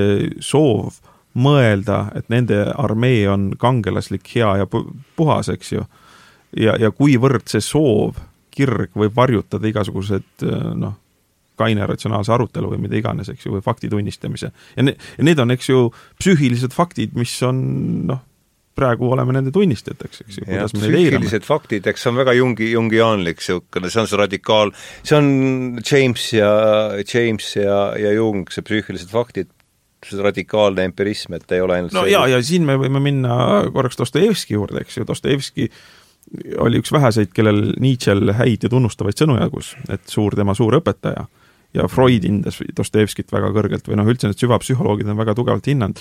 ja, ja Dostojevski ise rääkis, et noh kui, kui, kuidas asjadest aru saada, tuleb, tuleb märgata fakti märka fakti ja tema pidas ka selle aga ülestõus või ülestähendusi pärand, põrandalt, see on ju väga süvapsühholoog, psühho-, no täiesti, jah. süvapsühholoogiline teos, eks ole. täielikult, täielikult no,. me võime öelda, et see ei ole kohe üldse mitte behavioristlik. võib-olla see on isegi üks sissehüppamiseks süvapsühholoogiasse võib-olla võib-olla kõige parem teos, kõige parem koht üldse. tõepoolest, et, et seal tegelikult ju leidub ja, ja Piret Kuus kirjutab just selles, ühes selles samas süvapsühholoogia numbrist, et et kogu, ja ma olen temaga täiesti nõus, et kogu Dostojevski on selles äh, ülestähendustes põranda all olemas, nagu vabandust, ma segasin vahele. jah, tõepoolest, et, et kindlasti on noh, eo eos on seal nagu yeah. mingid asjad täiesti olemas, mida ta hiljem siis arendab välja nendes suurtes suurtes romaanides, aga seal ju tõepoolest selles samas, selles ülesanne, et seal noh, tegelikult ju kohtame sedasama nagu valgustuse kriitikat, mingisuguse täielikult ratsionaalse ühiskonna võimalikkuse kriitikat, eks ole, et, et kõik need teemad, mis tegelikult on mm -hmm. nagu olemas Just. süvapsühholoogias ja see äh, mina probleem, mina ja mina, ene, ja eriti on see, kohe algab ju eneseteadvuse probleem. eneseteadvuse probleem, täpselt. ja mis ta ütleb, mul on liiga palju eneseteadvust palju mhm. rohkem, kui olen vaja, oleks vaja mhm. ja kui palju oleks kasulik. eneseteadvus on haigus, nagu te ütlesite, et see on, see on haigus, jah tuleta, aastaarvud on tuhat üheksa, Dostojevski sureb, sünnib tuhat, tuhat, tuhat kaheksasada kakskümmend üks, ta sai kakssada aastat, eks ole, eelmine aasta. ja siis järelikult ülestähendused põrandalt, mis ta võib olla siis tuhat üheksa, tuhat kaheksasada nelikümmend ei, ei, hilisem, kuuskümmend kolm vist. kuuskümmend kolm või? ah soo. et see oli ikkagi nagu aa, muidugi jah, jah, õige, õige. sunnitöö järgselt. ja, ja muidugi, muidugi, jah, ja, ja, ja, ja et tal neljakümnendatel tulid tal need valged ööd ja noh, sellised romantilised jah, õige, kõik see mm -hmm. millal ta oli seal, seal plat-, millal see surmaotsus kas nelikümmend kaheksa või? see oli nelikümmend kaheksa, ta oli kakskümmend seitse siis vist, jah? jah, et jah, suht, suht noorena jah, aga tuhat kaheksasada kuuskümmend kolm ütled, kuskil on üles peaks olema, jah. no umbes, aga praegu täpsemalt ei mäleta. ja tragöödia sünd oli millal? seitsekümmend kaks Mhm. Oli, oli tragöödia sünd. nojah, aga jah, see, see on küll väga õige, et noh, mingis mõttes äh, on ülestähendusi põrandalt ja pange tähele, põranda alt, alateadvus jälle, ruumiline metafoor ja väga tabav mm., on ju, on jah, et kus seal algab see minas nokkimine ja, ja just see eneseteadvus, kus ta läheb. ja see on see nüüd, millele noh, behaviorism nagu põhimõtteliselt mitte üldse ligi ei saa. Ja sealt, ja see, mida see põrandaalune ka teeb, ta räägib ju selle eneseteadvuse halvavast mõjust. ta valgustab läbi oma motiive ja, ja üks olulisemaid asju on see, tal, tänu sellele tal puudub äh, igasugune alus eneseaustuseks eks ju. jälle väga ol-, oluline psüühiline korda see mõte üle, palun mulle korraks. et äh, kuna, kuna ta on nii eneseteadlik, siis tal on nagu võimatu mina, ennast austada. mina tegelane selles äh, ülestähendust. jah, jah. Sest tema nime, tema nime üldse ei tea. see ei tule sealt välja, siis ta räägibki mina, mina vormis, eks ju, kuidas ja. ta valgustab ennast läbi, saab aru kõigest, noh, ja, ja tal puudub nagu noh, nagu ta öeldud, et noh, minus pole mitte midagi positiivset eks ju, see eneseaustus puudub. ja see on mm -hmm. nüüd jälle näiteks, me, me loeme seda, me saame tast aru, sellest probleemist, eneseaustus, ja nüüd võta see kategooria nagu eneseaustus. no mida sa teed behaviorismiga siin? Ja, ma, ma isegi ei ütleks, et, et see tal nagu päriselt nagu või noh, et see tal, tal nagu täielikult puudub, ma ütleks pigem, et see on, et seal aeg-ajalt see saavutab tal mingisugused erakordsed mõõtmed, ühesõnaga, et see, tal, et mingil hetkel tal on nagu erakordselt kõrgene, ülikõrge eneseaustus ja. ja siis nagu Oja, täiesti olematu. see nagu... pidev, pidev vänderdamine mingi sellise täpselt. alaväärsus ja üleväärsus kompleksi vahel, see see on, see, see tal on, noh, ongi, see ongi nagu tema, tema üks suuri traagikaid, aga kaks nagu asja sellest raamatust, mis on nagu hästi olulised, äh, et, äh, et ühelt poolt äh, võib-olla see, et, et ta nagu tõesti kritiseerib siis sellist äh, ütleme, ratsionalistlikku äh, ühiskonna korra, ütleme, täielikult ratsionaliseeritud ühiskonna äh, ideaali, ütleme. Mm. -hmm ja nüüd tollal, tollal muidugi olid ka need sotsialistid esile kerkimas ja ta on nagu sotsialistide suhtes võrdlemisi kriitiline, ühesõnaga sotsialistid umbes arvavad või arvasid midagi sellist ja see on, selle mõtte vastu ta nagu arutab seal, et arvasid midagi sellist, et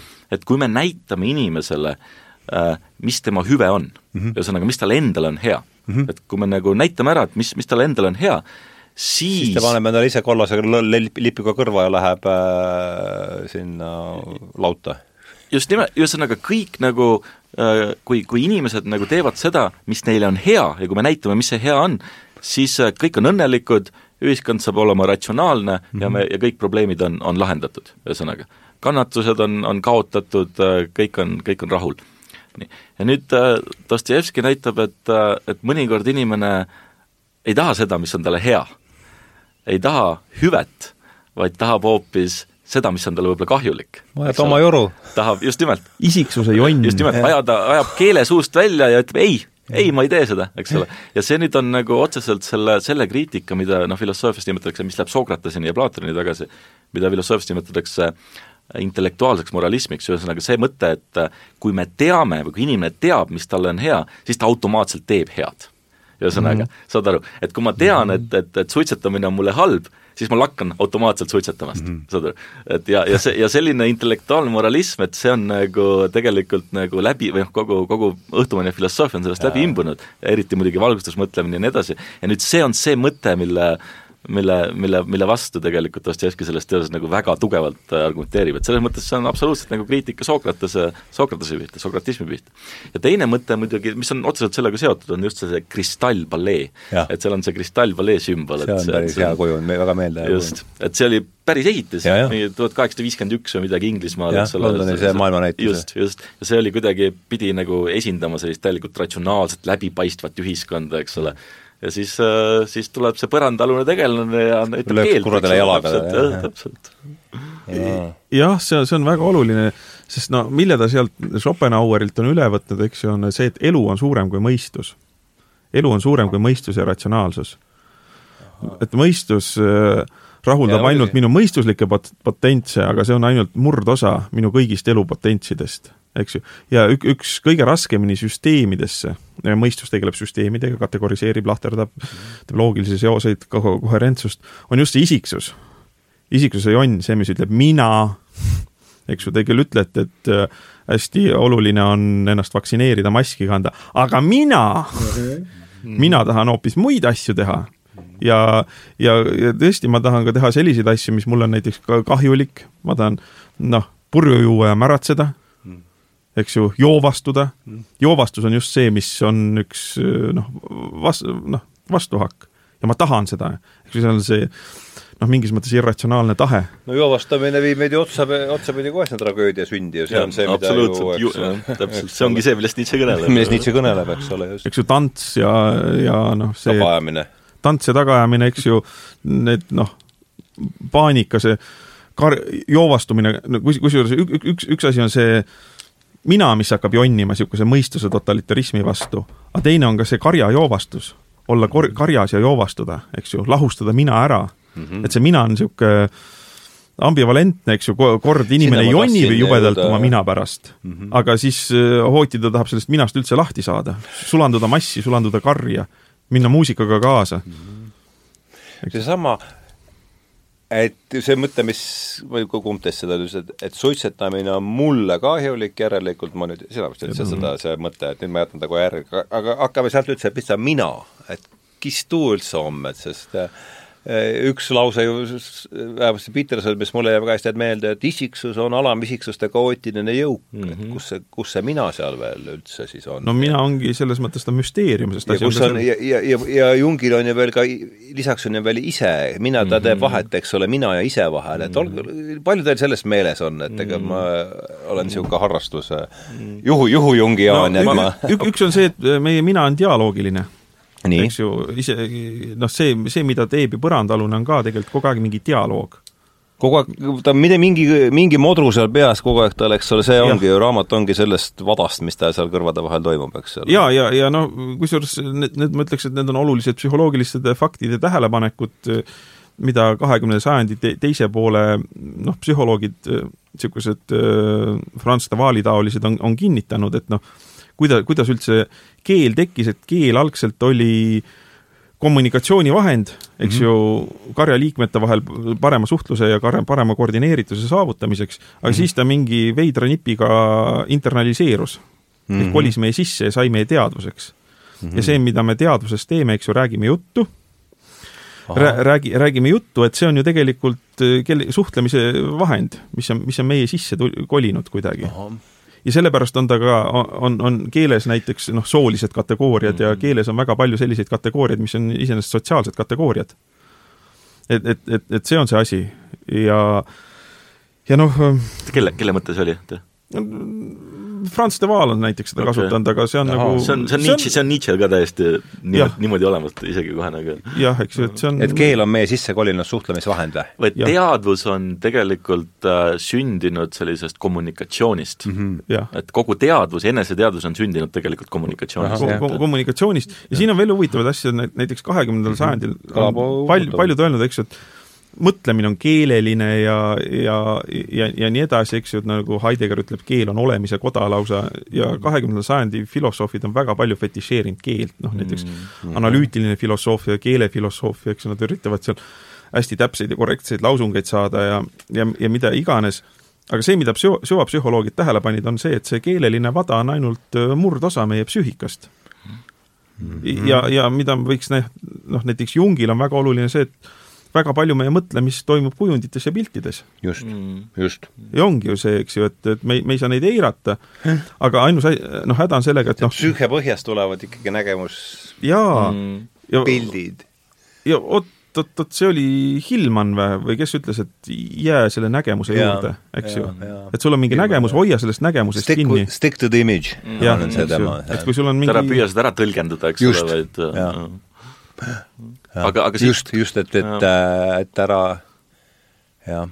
jaa, aga siit, siit ma tuleks veel kord selle noh, teaduse sünni juurde mm, -hmm. mis on niimoodi, noh, Kantist noh, Kant kui üks modernis-, modernismuse alus, alu, alusepanijaid, eks ju, modernismi üks määratlus ongi see, et ilu, tõde ja headus, niisugust kolm suurt transcendentaali äh, muutuvad autonoomseks ja üksteisega äh, potentsiaalselt vastuolus olevaks, eks ju, me võime siin teha mingeid inimtüüpide eristusi selle järgi, et milline asi dom-, domineerib, et mõni hakkab taotlema ilu, eks ju, et ilu on kõige tähtsam asi, mille poole tuleb pürgida mm, -hmm. noh, romantismi ajastul paljud poeedid, kunstnikud, noh, et ilu otsimises ongi elu saladus ja mm -hmm ja ilu on tõde ja tõde on ilu ja need on sama, samad asjad ja noh, ka kurja õied ja eks ju, et ilu on kõige tähtsam asi, siis noh, nende kohta võiks öelda esteedid mingis mõttes hästi-hästi laias tähenduses.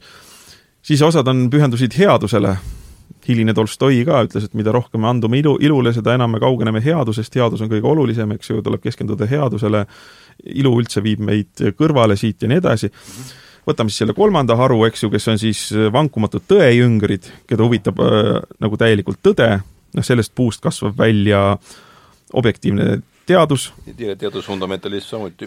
teadusfundamentalism samamoodi, samamoodi on see tee, mille mööda, nagu Nietzsche ütles, eks ju, kristlus sooritas enesetapu, kristlus süstis nagu kirgliku tõejänu ja see kirglik tõejänu saagis pööras vastu endale. kristlikul dogmadel endal jalad alt ära. aga vaata, siin on veel see indiviidi ja kollektiivi eristus. -hmm. et ma võin kirglikult tõde otsida, aga ma otsin seda ise ja ma ei ürita seda kommunikeerida mm. -hmm. Neid inimesi on kutsutud ka müstikuteks mm, -hmm. Eks ju, aga kes väga hästi kommunikeerivad, on teadlased, eks ju, teadlased on keskendunud tõde pluss kommunikatsioon. kõige ja, kommunikeeritavam asi on matemaatika. Otsapidi läheb see teadlaste kommunikatsiooni kohta tuleb mul tihti meelde ikkagi see John Cleese, oled sa näinud seda ja. ajuteadlase jaa, jaa, see on parodeeritav. Ma, ma, ma ei ole nii kindel selles vot, aga mõni, mõningad müstikud küll omaette üritavad tõde kätte saada, nad võib-olla isegi saavad selle kätte aga kus ma ütlen, mis on Jung? Jung annab selles kommunika-, kommunikeeritavuses järele, eks ju, me võime öelda, et matemaatika ja arvud on kõige üheselt mõistetavamad, kõige kommunikeeritavamad. no ta annab eksaksuses järele, eks, aga ma ei ole jaa aga ta tahab ikkagi seda tõde kommunikeerida, eks ju, ja siis ta hea meelega kasutab kujundeid, kasutab kunsti, kunstilisi vahendeid, kasutab lugusid ja, ja selliseid asju mm. -hmm. et selles mõttes mõttes tule, on ikka seal see kommunikatiivne aspekt sees ja jagatavuse asi. korra, nii. korra veel räägi, räägi, räägi. ei, mitte, isegi mitte sellega seoses, vaid ma korra nagu tuleks tagasi mm -hmm. selle mina, mina asja juurde veel, et et see tegelikult vist viib meid ka Hillmanini mm. -hmm. et uh, kui me tahame sinna ka korraks veel jõuda. väga huvitav, me oleme, me oleme alati valmis sinna minema. et, et kõigepealt selline noh, meil on siis ütleme, selline valgustuslik äh, äh, ratsionalistlik egoism, ühesõnaga, kus ongi nagu äh, noh, see mina, eks ole, kes kuidagi arvab, et ja muidugi Kantil on siin täiesti oma teene, et see üldse võis niimoodi välja kujuneda, kus on see mina, kes arvab, et ta on midagi väga erilist, eks ole, ja siis ta leiab nagu enda eest mingi objekti, noh, maailma kui objekti, ütleme, eks ole mm. -hmm. ja siis ta nagu noh, saab sellega igasugu katseid teha, seda manipuleerida ja nii, ja nii edasi, aga igal juhul see mina, see inimene, eks ole, oma, oma egoismis, et tema on see noh, see kõige olulisem, eks ole, maailma isand, eks mm -hmm. ole ja, ja, ja noh, see, see juba ütleme, et sellel on juba mingid juured kristluses, aga noh, valgustus keerab sellele sinna veel hoogu juurde, eks ole, mingid vindid peale, nii, ja nüüd Jung, eks ole, mida teeb Jung, et ta ikkagi tahab näidata, et et see mina on osa, eks ole, millestki suuremast, eks ole mm, -hmm. et, et ja, ja selles mõttes ta ja. juba, juba Jung tahab nagu mingil mingis mõttes sellist äh, ratsiona-, ratsionalistlikku egoismi ja indi-, individualismi ületada, nii. aga muidugi see, kes nagu selle ületamise teel ilmselt, kui me räägime just süvapsühholoogiast, noh filosoofias on teised nimed ja autorid, aga kui me räägime süvapsühholoogiast, siis see, kes nagu astub võib-olla otsustava sammu selles suunas, on just nimelt Hillman, kes ju räägib sellest maailma vaimust, see animus mundi või eks ole, ja, ja see, ja ta lõpuks ju arendab välja mingi noh, ökopsühho-, äh, psühholoogia, et inimene on tõesti osa sellest maailmast, et yeah. et maailm ei ole mingi objekt, mis vastandub subjektile, eks ole, vaid me oleme osa millestki palju suuremast, eks ole. ja ta on ikka väga selge antikartesiaanlik äh, jah, jah ja. ja., et see on nagu tõesti sellise nagu ratsionalistliku äh, individualismi ja egoismi nagu selline järk-järguline mm noh, ületamine, ütleme, aga Jungil on siin täiesti, täiesti oluline, oluline nagu ja. roll mängida. no Ilman ütleb, et ma juhatan teid Jungini ja sealt edasi, I, I, I lead you to Jung and beyond it. aga ma tahaks teie mõlema käest küsida, see on käinud siit ja hea, et see tuli jutuks ja see, see miskipärast on see lause mind eh, pa-, paelunud, jäänud meelde, et see inglise keeles on see stick to the image või et jää oma nägemuspildile truuks või kuidas me seda siis tõlgime, kuidas teie sellest, äh, mis te, kuidas, huvitav oleks teada, mis teie sellest, kuidas teie sellest äh, mina, mina ütleks selle kohta, et, et, et ära unusta seda mm. -hmm. psühholoogias on niisugune huvitav, äh, huvitav fakt nagu verbaalne varjestatus. ja see ongi niimoodi, et kui sa ära sõnastad, siis, siis sa, see, see kujund läheb, läheb kaotsi et sellega on tehtud niisuguseid huvitavaid katseid. verbaalne varjestatus või? jaa, näiteks tunnistuste andmisel on see niimoodi, et äh, et kui inimene, eks ju, ütleme, näeb kuritegu või näeb mingit inimest vilksamisi, noh, ta ei tea, et ta peab seda meelde jätma ja siis seal politsei ütleb, et kirjelda, anna võimalikult täpne kirjeldus, eks ju, ja siis see inimene üritab sõnastada mm -hmm. seda umbes, et pruunid juuksed ja vuntsid ja mm -hmm. näiteks kitsad vuntsid nina all ja seitel ühele poole ja väikest kasvu ja terav läbitungiv pilk, eks ju. ta kirjeldab selle võimalikult täpselt ära, aga huvitav on see, et kui siis need mingid suvalised töllid äh, rivistatakse üles, nagu äratundmisel mhm. tehakse, et äratundmisvõime selle kirjeldamise tegemise tõttu langeb ja ma saan, nüüd ma saan aru, see on hea, aga mm -hmm. tahad sa lisada? ei noh, see, see on üks, üks näide. ja, ja, ja see on päris et ära asenda seda mingi siis, ära asenda seda nägemuspilti mingi verba-, mudeli, verbaalse mudeliga, vaid vaata sellele otsa, nagu ta sulle ilmus. jaa, et katsu, katsu mhm. meeles hoida. katsu meeles hoida, jah. jah ja, noh, võtame mingi konkreetse näite, eks ole. No, no võtame näiteks, ma ei tea, Mao, eks mm -hmm. ole, et näen unes madu mm. -hmm. Freud ütleb, peenis. ahah, see on peenis äh,.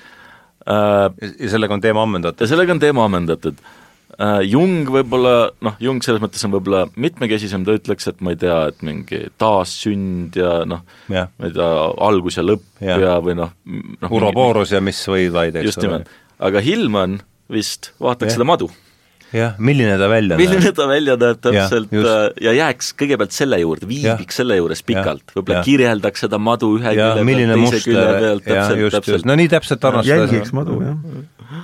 et see, et see on nagu mingis mõttes nagu e-, elav allikas mm. -hmm ja, ja veel on minu arust mm -hmm. üks Jungilt noh, väga oluline, mis selle Hillmaniga kokku läheb ja, ja mis minu temperamenditüübiga ka, ka nagu väga hästi sobib, on see, et äh, meil tegelikult pole võime eristada kollektiivset alateadvust ja sealt tulevaid sõnumeid Jumalast, eks mhm. sest noh ja Jung räägib ikkagi, minu arust on oluline mitte, mitte niivõrd jumalast, kuivõrd jumala arhetüübist või jumala pildist, nii nagu kost, ta ilmub kost, meie kost, kost, kostmises Hiiobile ta ütleb seda, et noh, me, me ei saa seda eristust teha.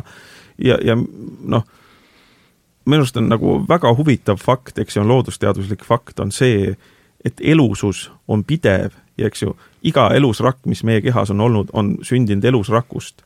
ja need on aastamiljardid on vana, see jätkuvus, järjepidevus olnud. Ja, seal on mingi sisemine mälu mm, -hmm. eks ju, mis on noh, teatavalt fenomenaalselt, fenomenoloogiliselt avaldub. eks ju no,, teadlased, igasugused geneetikud ja evolutsioonigeneetikud on äh, vaatavad seda väljastpoolt, eks ju, nad äh, järjestavad seal nukleotiide, aminohappeid ja mida iganes, eks ju, ja tõepoolest see, see kett läheb välja aastamiljardite taha mm. -hmm. et see on minu arust äärmiselt hämmastav fakt mm, -hmm. nagu väga hämmastav fakt. ja tõepoolest see kett, meie kõigi, meie, meie kõigi kett läheb sinna jah, jah mm -hmm. ja sealt tuleb see, see, see kollektiivsus, et see on nagu, nagu see on nagu hämmastav ja kummastav fakt, eks ju mm. -hmm ja see, mida minu arust nagu Jung vaatab, on seda, et seda saab vaadata ka seestpoolt kogemuslikult, eks ju mm. -hmm. et äh, noh, on ju, on ju palju, et no meie mälestused või noh, kui ma, kui ma mõtlesin sellele kantile, eks ju, kui me räägime kogemustest, kantil on ju ka, eks ju, et noh, osad asjad on empiirilised, kogemused ja kogemused üldistuvad mm. -hmm. aga siin on küsimus, aga kes see kogeja on? et ük, üks asi on võtta see, et see kogeja on, no minu puhul see, see poiss, kes nelikümmend aastat tagasi sündis, eks ju, sealt algas äh, Äh, ontogeneetiline kogemus mm, -hmm. aga tegelikult on ju see, et äh, minus on ka kogu mm, -hmm. kogu elu ajalugu Yeah. ja see kumab ka kuidagi läbi. aga see ongi hea nüüd küsimus. noh, riigi ajalugu, ütleme. transpersonaalne psühholoogia ja süvapsühholoogia, kuidas te neid, kuidas te neid eristate, ka üldse eristate? Ma saan aru, et ju Freudil see transpersonaalne aspekt Äh, ju laias laastus puudub, eks, et see kõik on, need mälestused on ma ütleks niimoodi, et noh, minule see tundub niimoodi, et transper-, transpersonaalsus vaatab tulevikku, vaatab edasi, vaatab arenguvõimalusi ja potentsiaale, aga süvapsühholoogia vaatab minevikku rohkem, eks ju, ja vaatab, mis sealt on tulnud. et selles mõttes, et äh, transpersonaalsus jätab tulevikku lahti. Hmm ja proovib sinnapoole pürgida. Hmm.. et noh, me, me saame ju vaadata oma elu nagu kahes suunas, et üks asi on, elame selge ees, vaatame minevikku, see on ülipõnev, ülipõnev, mis seal kõik minevikus on olnud ja nii edasi. Hmm. Ja mis sealt on tulnud, aga teine asi on, et keerame näo, keerame minevikule selja. et sina ütlesid, et transpersonaalsus vaatab tulevikku, transpersonaalne psühholoogia vaatab tulevikku ja, ja süvapsühholoogia minevikku, ma ei ole nii kordagi nii mõelnud, aga väga huvitav. jah, ja ma arvan, et see on noh võin ma nii kirja panna, et see on see, mida sa mõtled, et ma sulle suhu, sõnu suhu ei pane? see on, see on see, nagu mina mõtlen, aga ma arvan, et noh, paljud ei no mind huvitab see, kuidas sina ja, praegu ja, mõtled. isiklikult olen ta nii ära kaardistanud ma isegi ei oska sina... seda, ma ei oska niimoodi seda praegu nagu me noh mingi näiteks transpersonaalsus läheb minu arust päris hästi ühte pessa temperamenditüübilt või laadilt äh, posthumanismiga mm. -hmm. kuidagi, mul on nagu tunnetus. et ja posthumanism on, eks ju, see on niisugune noh, mingis mõttes inimese ületamine ja, ja, ja su-, suurema edasikasvamine. no ma ikkagi tahaks nagu näha, või noh, võib-olla öelda, et, et transport, personaalne psühholoogia on ikkagi nagu noh, ütleme, välja kasvanud ikkagi. Või üks haru sellest, ütleme, üks, üks selle harusid, ütleme. ja, ja, ma olen ka seda ja arhetüüpiline siis jah, tegelikult oligi niimoodi, see Tarnase loengus oli ka selline siis, et on kartesiaanlik psühholoogia ja süvapsühholoogia mm., süvapsühholoogia. Mm. läheb laias laastus kaheks, transpersonaalne psühholoogia ja jah ja siis me ta... Ways to go beyond. minna edasi ja üle. aga mida me siin üldse maininud ei ole, millest Richard Tarnas räägib väga palju oma loengutes, et et tänapäeva ülikoolides ikkagi nagu psühholoogia teaduskondades süvapsühholoogiaga üldjuhul ei tegeleta, ühesõnaga, et, et tegeletakse just empiirilise psühholoogiaga ja ja kvantitatiivse psühholoogiaga. aga süvapsühholoog, või noh, neid kohti, kus nagu süvapsühholoogiat saab üldse õppida ja sellega tegeleda, on tegelikult vähe väga vähe. ja, ja kuule, Ardo, sul oli üks saade ju, kus kaks inimest käisid ja üks oli üks naisterahvas, kes oli Tallinna Ülikoolis õppinud ja minu arust ta seal üritas midagi või? ei, ei jah, ja, ja see, ei see, et see, see on tõsi jah, seda süvapsühholoogiat ei, ei, ei õpetata. ja selles mõttes on Jordan Peterson väga hämmastav fenomen. Mm.. et ta on seda nii kõrgel tasemel teinud ja ja, ja mõlemad kusjuures, sest ta on ju väga tuttav ka empiirilise psühholoogia selles mõttes ta on jah, see mina üks, üks asi, esimese asja, mis ma mäletan, ütles, et tema doktoritöö juhendaja keelas tal Jungi lugeda ta doktoritöö, minu arust see Petersoni doktoritöö, kas see oli alkoholism järsku või? ja, ja, ja. oli, on ju? ja, ja, ja see, seda ja seal keelata, see oli, see ütles, vau, et see on nüüd jälle, jälle huvitav, see on huvitav koht. et jah, sest noh, ei, Peterson on tõesti huvitav, sellepärast et nad, sest, sest igasugused loomauuringud ja rotiuurijad, tegelikult nad on avaldanud väga põnevaid asju, noh, ma mm. teen väga positiivselt esile Franz de Waal, aga noh, näiteks see, keda veel Jung välja toob äh, ju väga, või mitte Jung, vaid Peterson väga tunnustavalt, on Jaak Mangsepp mm. -hmm ja sellest käis jutt. on ju ka see, et noh, oma rottide naeru uurimine ja, ja tõepoolest, no me saame sealt äh, väga huvitavaid asju teada ka tõesti rotti jälgides ja rääkimata primaatidest. sest minu arust oli siin, siin, siin nii huvitav on see Franz de Waaliga, eks ju, et äh, ta läks äh, uurima, ta oli paras hipi ta oli nagu täis hipi, eks ju, pikad juuksed ja ja äh, nagu ta ise ütles, et arvas, arvas samamoodi, et võimusuhted on kõik kurja ja kurjast ja igasugused domineerimiskalduvused on naeruväärsed. ja siis ta ehk, nagu ta ise ütleb, vaatas kümme, kümme tuhat tundi šimpanseid, mis oli kõige naljakam, ta vaatas, et nende käitumise seletamiseks kõige paremini sobib Machiavelli, Machiavelli valitseja, eks ju, kontseptualiseerib neid kõige paremini.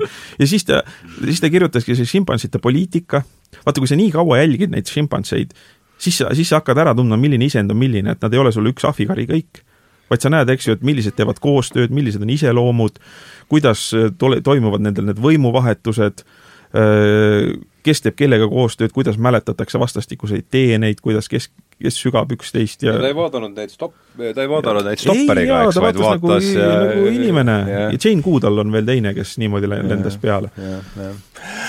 ja siis on huvitav see, et see Franz de Waali šimpanside poliitika, et üks USA kongressman pani selle vastsete kongressmanide soovitusliku raamatute nimekirja, sest noh, ega seda eesti keeles pole või?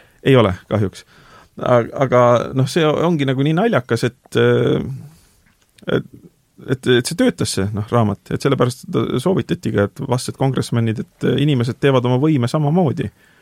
et noh, me võiksime öelda ka, et Machiavelli kohta, eks ju, kes on ääretult mõjukas ja kuulus poliitanalüütik või inimeste võimukäitumise analüütik, et Machiavelli jõudis samasuguste tulemusteni nagu Franz de Waal mm. -hmm. et kui me vaatame inimesi hästi niimoodi, jälgime lihtsalt nende tegevust, miski, mida soovitab Jordan Peterson mm, -hmm. eks ju, ja miski, milles oli üliandekas Dostojevski mm, -hmm. eks ju et sa ei vaata nende loba, vaid vaatad nende käitumist, kuidas nende tegelikud suhted kujunevad. Aga kena, nüüd on meil jäänud siin võib-olla üks veerand tundi, et, ähm, et see asi tõmmata kokku maks, et äh, jah.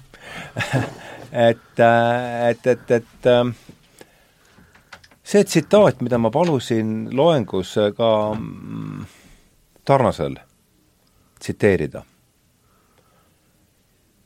või mitte tsiteerida, kommenteerida on see. Uh,, aga oleks huvitav kuulata, mis, mismoodi teie sellest aru saate, et uh, see tuleb Hillmani raamatus, selle Revisioning Psychology, aga ta tsiteerib Jungi tegelikult. Ja Jung ütleb seal siis, ma ei mäleta, mis, millises Jungi teoses see on, aga, aga veel kord selle tsitaadi noppisin mina Hillmani seda Revision Psychology'st, siis Jung ütleb siis, et meie tõeline religioon on monoteistlik teadvus, mitte siis, mitte teadus, vaid teadvus.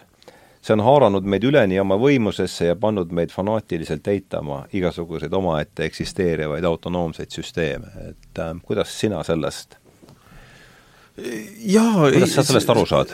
ma, ma saan sellest kuidagi noh, kui, kui, kui ma kuulen seda tsitaati, siis tundub jah, jah, tõepoolest, jah, jah, tõepoolest, eks ju, sest noh, igasugune see noh, räägitakse ju praegu, eks ju, individualismi ajastu ja see sõna ise peegeldab noh, individus, see tähendab jagamatust mm. -hmm. see on sama, mis Kreeka atomos. jagamatu, eks ju, ja me oleme õudselt harjunud niimoodi mõtlema, aga see, mida jah, süvapsühholoogid ja mida näiteks Dostojevski näitas, et ongi see, et me oleme vastandlike kirgede pundar ja see ongi see meie mina aga, aga tõepoolest, see on ju väga huvitav, on see, see on iseenesest väga huvitav, sest see noh, ka see on fakt, et me tajume ennast, no vähemalt praeguses maailma ajaloos või praeguses ajastus, me tajume ennast minana. et see noh, mine, min-, noh, mina mõistatus, see on jälle üks mina mõistatus, eks ole. jah, üks niisugune täitsa, täitsa fakt ja noh, muidugi seda on ka väga palju uuritud, et noh, milline on inimese enesetaju, minataju noh, paljud piirid, eks ju, niisuguse häbi ja süü ja ja mis seda noh, struktureerivad ja isegi arhitektuur, mulle tuleb meelde, et noh, Philipp Arias ja Igor Konn, et kes on vaadanud, et et, et, et, et seal oli mingi Saksamaa põhjal tehtud ajalooline, et noh, et majadel tubades polnud vaheseinu, eks ju, et niisugust mina ei olnud üldse niimoodi privatiseerunud, kõik inimesed toimetasid kõiki tegevusi kõigi silmade all ja et see pidi olema hoopis teistsugune psüühika. ja, ja, ja no loomulikult, eks ju, sinna me ka ei saa päris joonlauaga ligi, aga me võime ette kujutada, et inimeste psüühika oli siis teistsugune mm. -hmm noh, ja me võime vaadata ka noh, lapsi, eks ju, kes, kes on nagu head käepärased vahendid, noh näiteks nende häbistruktuur on hoopis teistsugune mm, -hmm. eks ju, nad ei, ei häbene, ma võin öelda, et eh, laps on mind une pealt näiteks täis pissinud rõõmsa, rõõmsa naeruga, eks mm -hmm. ju, noh et äh, ta on, nad on, eks ju, mul hästi väiksed veel ja noh, neil ei ole näiteks igasuguseid pissimis, pissimis- ja kakamise häbisid, eks ju veel, mitte kuidagi. see viib ja, see, see on rohkem Freudi teema vist, eks no see, see ka, see, see oli lihtsalt juhuslik näide, aga on arusaadavalt ka, et noh, ähm, meie häbitunne ja niisugune noh, palju on, paljud on ju imestanud ka seda, et kuidas sotsiaalmeedia tulekuga kõik hakkasid kohutavalt eksponeerima oma eraelu. et see on nagu üllatanud ja osadele on see võõristatav. aga, aga võtame Jaanuselt ka vahepealt sellesama asja, et see, palusin, seesama loengut, mis sina, mis ma sulle saatsin, et ma palusin Tarnosel ka seda, seda lauset kommenteerida, et äh, Jungi tsitaat, et meie tõeline religioon on monoteistlik teadvus, siis mm -hmm. teadvus, mitte teadvus see on haaranud meid üleni oma võimusesse ja pannud meid fanaatiliselt eitama igasuguseid omaette eksisteerivaid autonoomseid süsteeme, et kuidas sina sellest, äh, mingil põhjusel see lause jäi ka pähe pöörlema, et kuidas sina mm -hmm. sellest aru saad? noh, see nagu noh, monotism, eks ole, ma ei tea, viitab, et on mingisugune ülim olev, kes kuidagi nagu on maailma loonud, eks ole, on selle isand mm, -hmm. äh, ja, ja mingis mõttes noh, kui me võtame seda sellise inimliku projektsioonina mm, -hmm. siis noh, inimene ise kuidagi tajub, et, et ta on kuidagi mingi kese, eks ole yeah., mingi isand, kes tahaks ka nagu kontrollida asju, kuigi ta võib-olla ei ole täiuslik, nii nagu see mm -hmm. Jumal on, aga ta siiski nagu on, eks ole, isand mingis mõttes, ja, ja sellega ta kuidagi nagu eristab ennast sellest loodust yeah., nii nagu Jumal, eks ole, lõi maailma, aga on kuidagi nagu väljaspool seda loodud, nii ka inimene kuidagi nagu eristab ennast, ütleme, sellest mm -hmm. ümbritsevast loodusest, eks ole, äh, kõikvõimalikest süsteemidest, mis ja. on tema välised, ütleme mm. -hmm ja, ja, ja, ja, ja seda tehes ta objektiveerib, eks ole, loodust, see on selline objektiveerimine. no kartesiaanlik, eks ole, just, ja, ja, ja pluss veel ma mõtlesin ka seda, et, et mis, mille Tarnas juhib tähelepanu, et et seesama monoteistlik jumalapilt on toodud ka enda psüühesse, kusjuures see, kes selle eh, jumala rolli on võtnud siis üle see mina, kes justkui, kes justkui kamandab kogu seda ülejäänud äh, satsi seal, et ähm, jah, võiks, võiks öelda tänapäevase neuroteaduse varjus, et see on siis transenteeritud prefrontaalne korteks.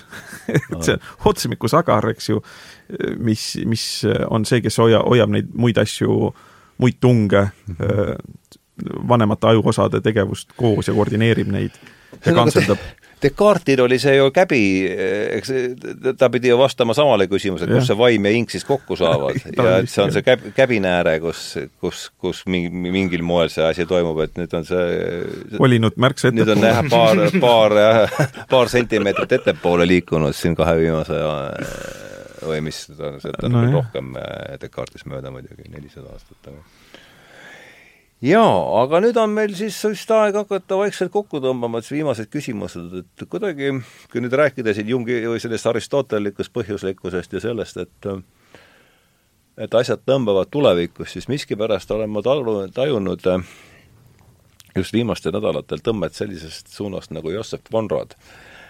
et mida tema lihtsalt äh, kes see? Jossef Konrad, Poola.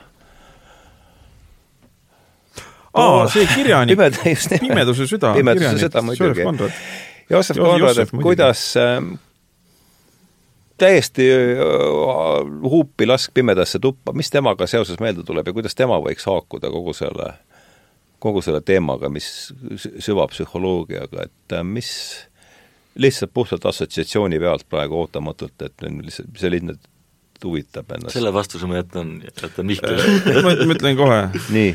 Joos-, Joosef Konradi kohta, eks ju, tema noh, Pimeduse süda üks tuntumaid on see, noh, esiteks, Tammsaare tõlkis selle. ei, Tammsaare tõlkis Lord Jimmy. Lord Jimmy, õige muidugi. Anvelt tõlkis ja pärast Kon on An-, Anvelt oli ka väga, ma ütleks, tark igasuguse psüh-, psüühika seisukohalt. tema elu, eluhirm on kusjuures väga, väga hea näide mm, -hmm. mille ta noorena kirjutas Äh, aga noh, mis, mis ma oskan öelda selle kohta, et äh, jälle nagu väga head romaanikirjanikud ikka, nad on head inimese psüühi, psüühe jälgijad mm. -hmm. ja kusjuures see on, see on nagu minu arust üks, üks suurepärane näide nende igasuguste ankeetide täitmise vastu. eneseväljendamine on keeruline ja noh, ääretult keeruline. ja, ja need inimesed, kellel see väga hästi välja tuleb, esiteks nad on haruldased teiseks me paneme neile pärja kaela ja anname neile kirjanduspreemia mm. -hmm. selles mõttes, et nemad on need, kes sellega hakkama saavad. ja noh, isegi see, et noh, meil on küpsuseksamiks on olnud kirjaend ja inimesed on sellega väga hädas, eks ju, see on üks raskemaid eksameid. see, see lihtsalt näitab, et kui me tahame enda, enda mina ja enda psüühilisi seisundeid väljendada, ilma et need oleksid mingid täielikud triviaalsused, umbes, et mis tuju on, kas halb või hea või midagi sihukest, eks ju, sest see on väga-väga keeruline mm. Ja, ja mõned, mõned inimesed on seda paremini osanud. Ja noh, Joseph Conrad pärusmaa ja noh, Joseph Conrad on iseenesest äh, jah, kui me tahame jälle tõlgendada neid Ukraina sõja sündmusi ja kuidas, ta on väga head tööd teinud sellest, rääkimaks, kuidas inimene läheb metsikuks. Ja, ja kus on see pimeduse süda, eks ju. kus on kurju, kurjuse lätted. Oled sa viimasel, oled sa, oled sa Konradiga üldse ammu lugenud, et mida, ma nii hästi ei mäleta. sedasama ikka vist. Pimeduse südat, jah? jah, aga tõesti Jimmy, tagasi aga selle põhjal, mida, mida Mihkel, mida Mihkel praegu ütles, siis mul tuleb kohe meelde Kärbeste jumal näiteks, kus hea näide jah, hea näide jah. et noh, ühesõnaga selliseid nagu kirjandusteoseid, kus sellise, sellised nagu, selline pimedus nagu kuidagi nagu paljastub või paljastatakse, et neid ikkagi on ja see on nagu ah, ja kusjuures ma, täna on seits-, ei, kaheksas aprill on. aa, vist kaheksas, jah. kaheksas aprill, et tänases Postimehes, kaheksas aprill kaks tuhat kakskümmend kaks, ma kirjutasin kombesõjast ja kombesõda oli siis äh, seitsekümmend neli kuni seitsekümmend üheksa ja Jane Goodall jälgis seda ja see oli nagu, see vist hästi rivist välja, sest Jane Goodall oli ka paras hipi, kui ta läks. ja see oli nagu tõeline sõda šimpansite vahel. ei olnud mitte mingi pärast ressursside pärast kaklemine, vaid just niimoodi toimus võimuvõitluses lahenemine, lahknemine. kuidas sa seda, mis see kombe, värvage kombe. Ja, ja noh, mi-, miks see Jane Goodalli nagu nii kohutavalt häiris, häiris aastaid, eks ju. ja sealt tuli lihtsalt, see kirjutas veel kord üle, et see pimeduse juurikas meis, see agressiooni juurikas, kavandatud agressiooni juurikas, on vanem kui meie liik, eks ju, see juurikas on meis hästi-hästi sügaval mm.. et see ei ole mingi ühiskonnakordega asi. mida, mida ütles ka Dostojevski ühes kohas, eks ju, et kurju, kurjuse juur on palju sügavamal, kui arvavad need ravitsejad sotsialistid et me teeme mingid keskkonnaasjad korda, eks ju, asfalteerime ära kõik maksimaalselt, et siis inimesed muutuvad rõõmsaks ja heaks. no Freud ju eristabki ja. nagu kahte tungi, et tal nagu noh, varasemas loomingus on tal see noh, sugutung, eks ole, libido, aga siis oma hilisemas loomingus ta asetab selle kõrvale veel ühe tungi, see on see surmatung mm -hmm. ja see ongi see agressiooni, agressioonitung, surmatung, et ja et, äh, et, et jah, selles mõttes. kättemaks eksistentsile mul tuleb meelde üks Monty Pythoni see, analüüsitakse Piranha Brothers on mingi, see on päris pikk sketš, kestab seal mingi viisteist minutit mingitest tuntud äh, kurikaetest seal ja siis on psühholoog stuudios, kes ütleb mõtlikult, et what's What's murder? Murder is just extroverted suicide ah. Mõrv on siis mm. enesetapp ekstravertidel. jah, jah aga noh, seal kombe, kombeseas oli ka vaata asi oli selles, et seal ta pani tähele, esiteks nad šimpansid, nad tundsid ära, kes on sellest võõrast karjast, eks ju, nad kasutasid varitsemist, nad nagu noh, võib öelda surnuks piinamist, eks ju, said kätte selle kamba peale igasugused noh, pigistasid näiteks munandikotid tühjaks, selles mm. mõttes, et munandid ja, välja ja jätsid vedelema. ma arvan, et kõik mehed võivad kujutleda ette, kui halb niisugune surm on ja nii edasi ja see lõppeski tegelikult, see oli edukas genotsiid, et äh, üks karja, üks, üks, üks haru tapeti ära aastatega. lihtsalt nagu niisugune, kuidas vimm kestis edasi. no kena, aga see on nüüd niisugune hea koht, kus tõmmata vestlusele, vestlusele joon alla, et äh, me olemegi siin olnud siis jah, täna natuke lühem, aga et äh, alustasime hiljem ka ja ja et aitäh teile äh, kas äh, võtame veel viimase ringi, et äh, mis endale jäi? mis täna, mis teil endale täna kuuldus, kuuldus kõrva jäi, Jaanus, võtame, hakkame sinust pihta. mis äh... mm, noh, kõigepealt selline mingid huvitavamad mõtted või? Jaa, üldse, mis jah, mis üldse? No alustasime süvapsühholoogiast, et mis see võiks olla, siis natuke selle ajaloost, isegi kaugest ajaloost, Platonist natuke mm -hmm. oli, oli, oli, oli juttu ja ja siis muidugi see noh, Kantist oli, oli veidi juttu, Schopenhauerist. jah, kogu see saksa idealistlik filosoofia ikkagi jookseb sinna kuidagi kokku, eks. ja siis muidugi noh, selle süvapsühholoogia nagu siis suurkujud ka, et uh, Freud, Jung mm, -hmm. noh, Nietzsche Dost-, Dostojevskist oli, oli, oli, oli, põrandaalune, põrandaalune täpselt ja, ja jah, see oli jah, ütleme see, et üks süvapsühholoogia esimesi märkimisväärseid äh, teoseid. jaa, ja ma ütleks see, et rääkigem julgelt alateadvusest, et me ei pea häbenema selle ruumilist metafoori, et minu arust see on üsna, üsna täpne. ja võib-olla, eks ju, kui see Hillmanni jääge kujutluse juurde, stick with the image oli, eks ju, et siis et see image, millega praegu stickida tuleks, oleks tühjaks pigistatud munandikotid. sa tahad ikka, tahad ikka selle juurde tagasi tulla? jah, ma ei saa seda, mul, mul jäi see pähe nüüd kinni endale ja ma olen hädas sellega, et olgu teised samamoodi hädas jaa, ma mõtlen tegele sellega sina see on jah, eks igaüks peab oma, oma, oma, oma nägemuspildi juurde jah, ja ma mõtlesin seda, et mis mina siin küll ma saan, ma saan istutada seda teiste pähe ka ja nüüd kannatage, miks ma pean üksi kannatama? iha, ihade hämar keldrisopp on niisugune, ma vaatan oma mingeid üles, et sellega on päris hea kandidaat. jah, nad on just hämaras keldrisopis, mitte valgustatud pööningul. jah just, jah.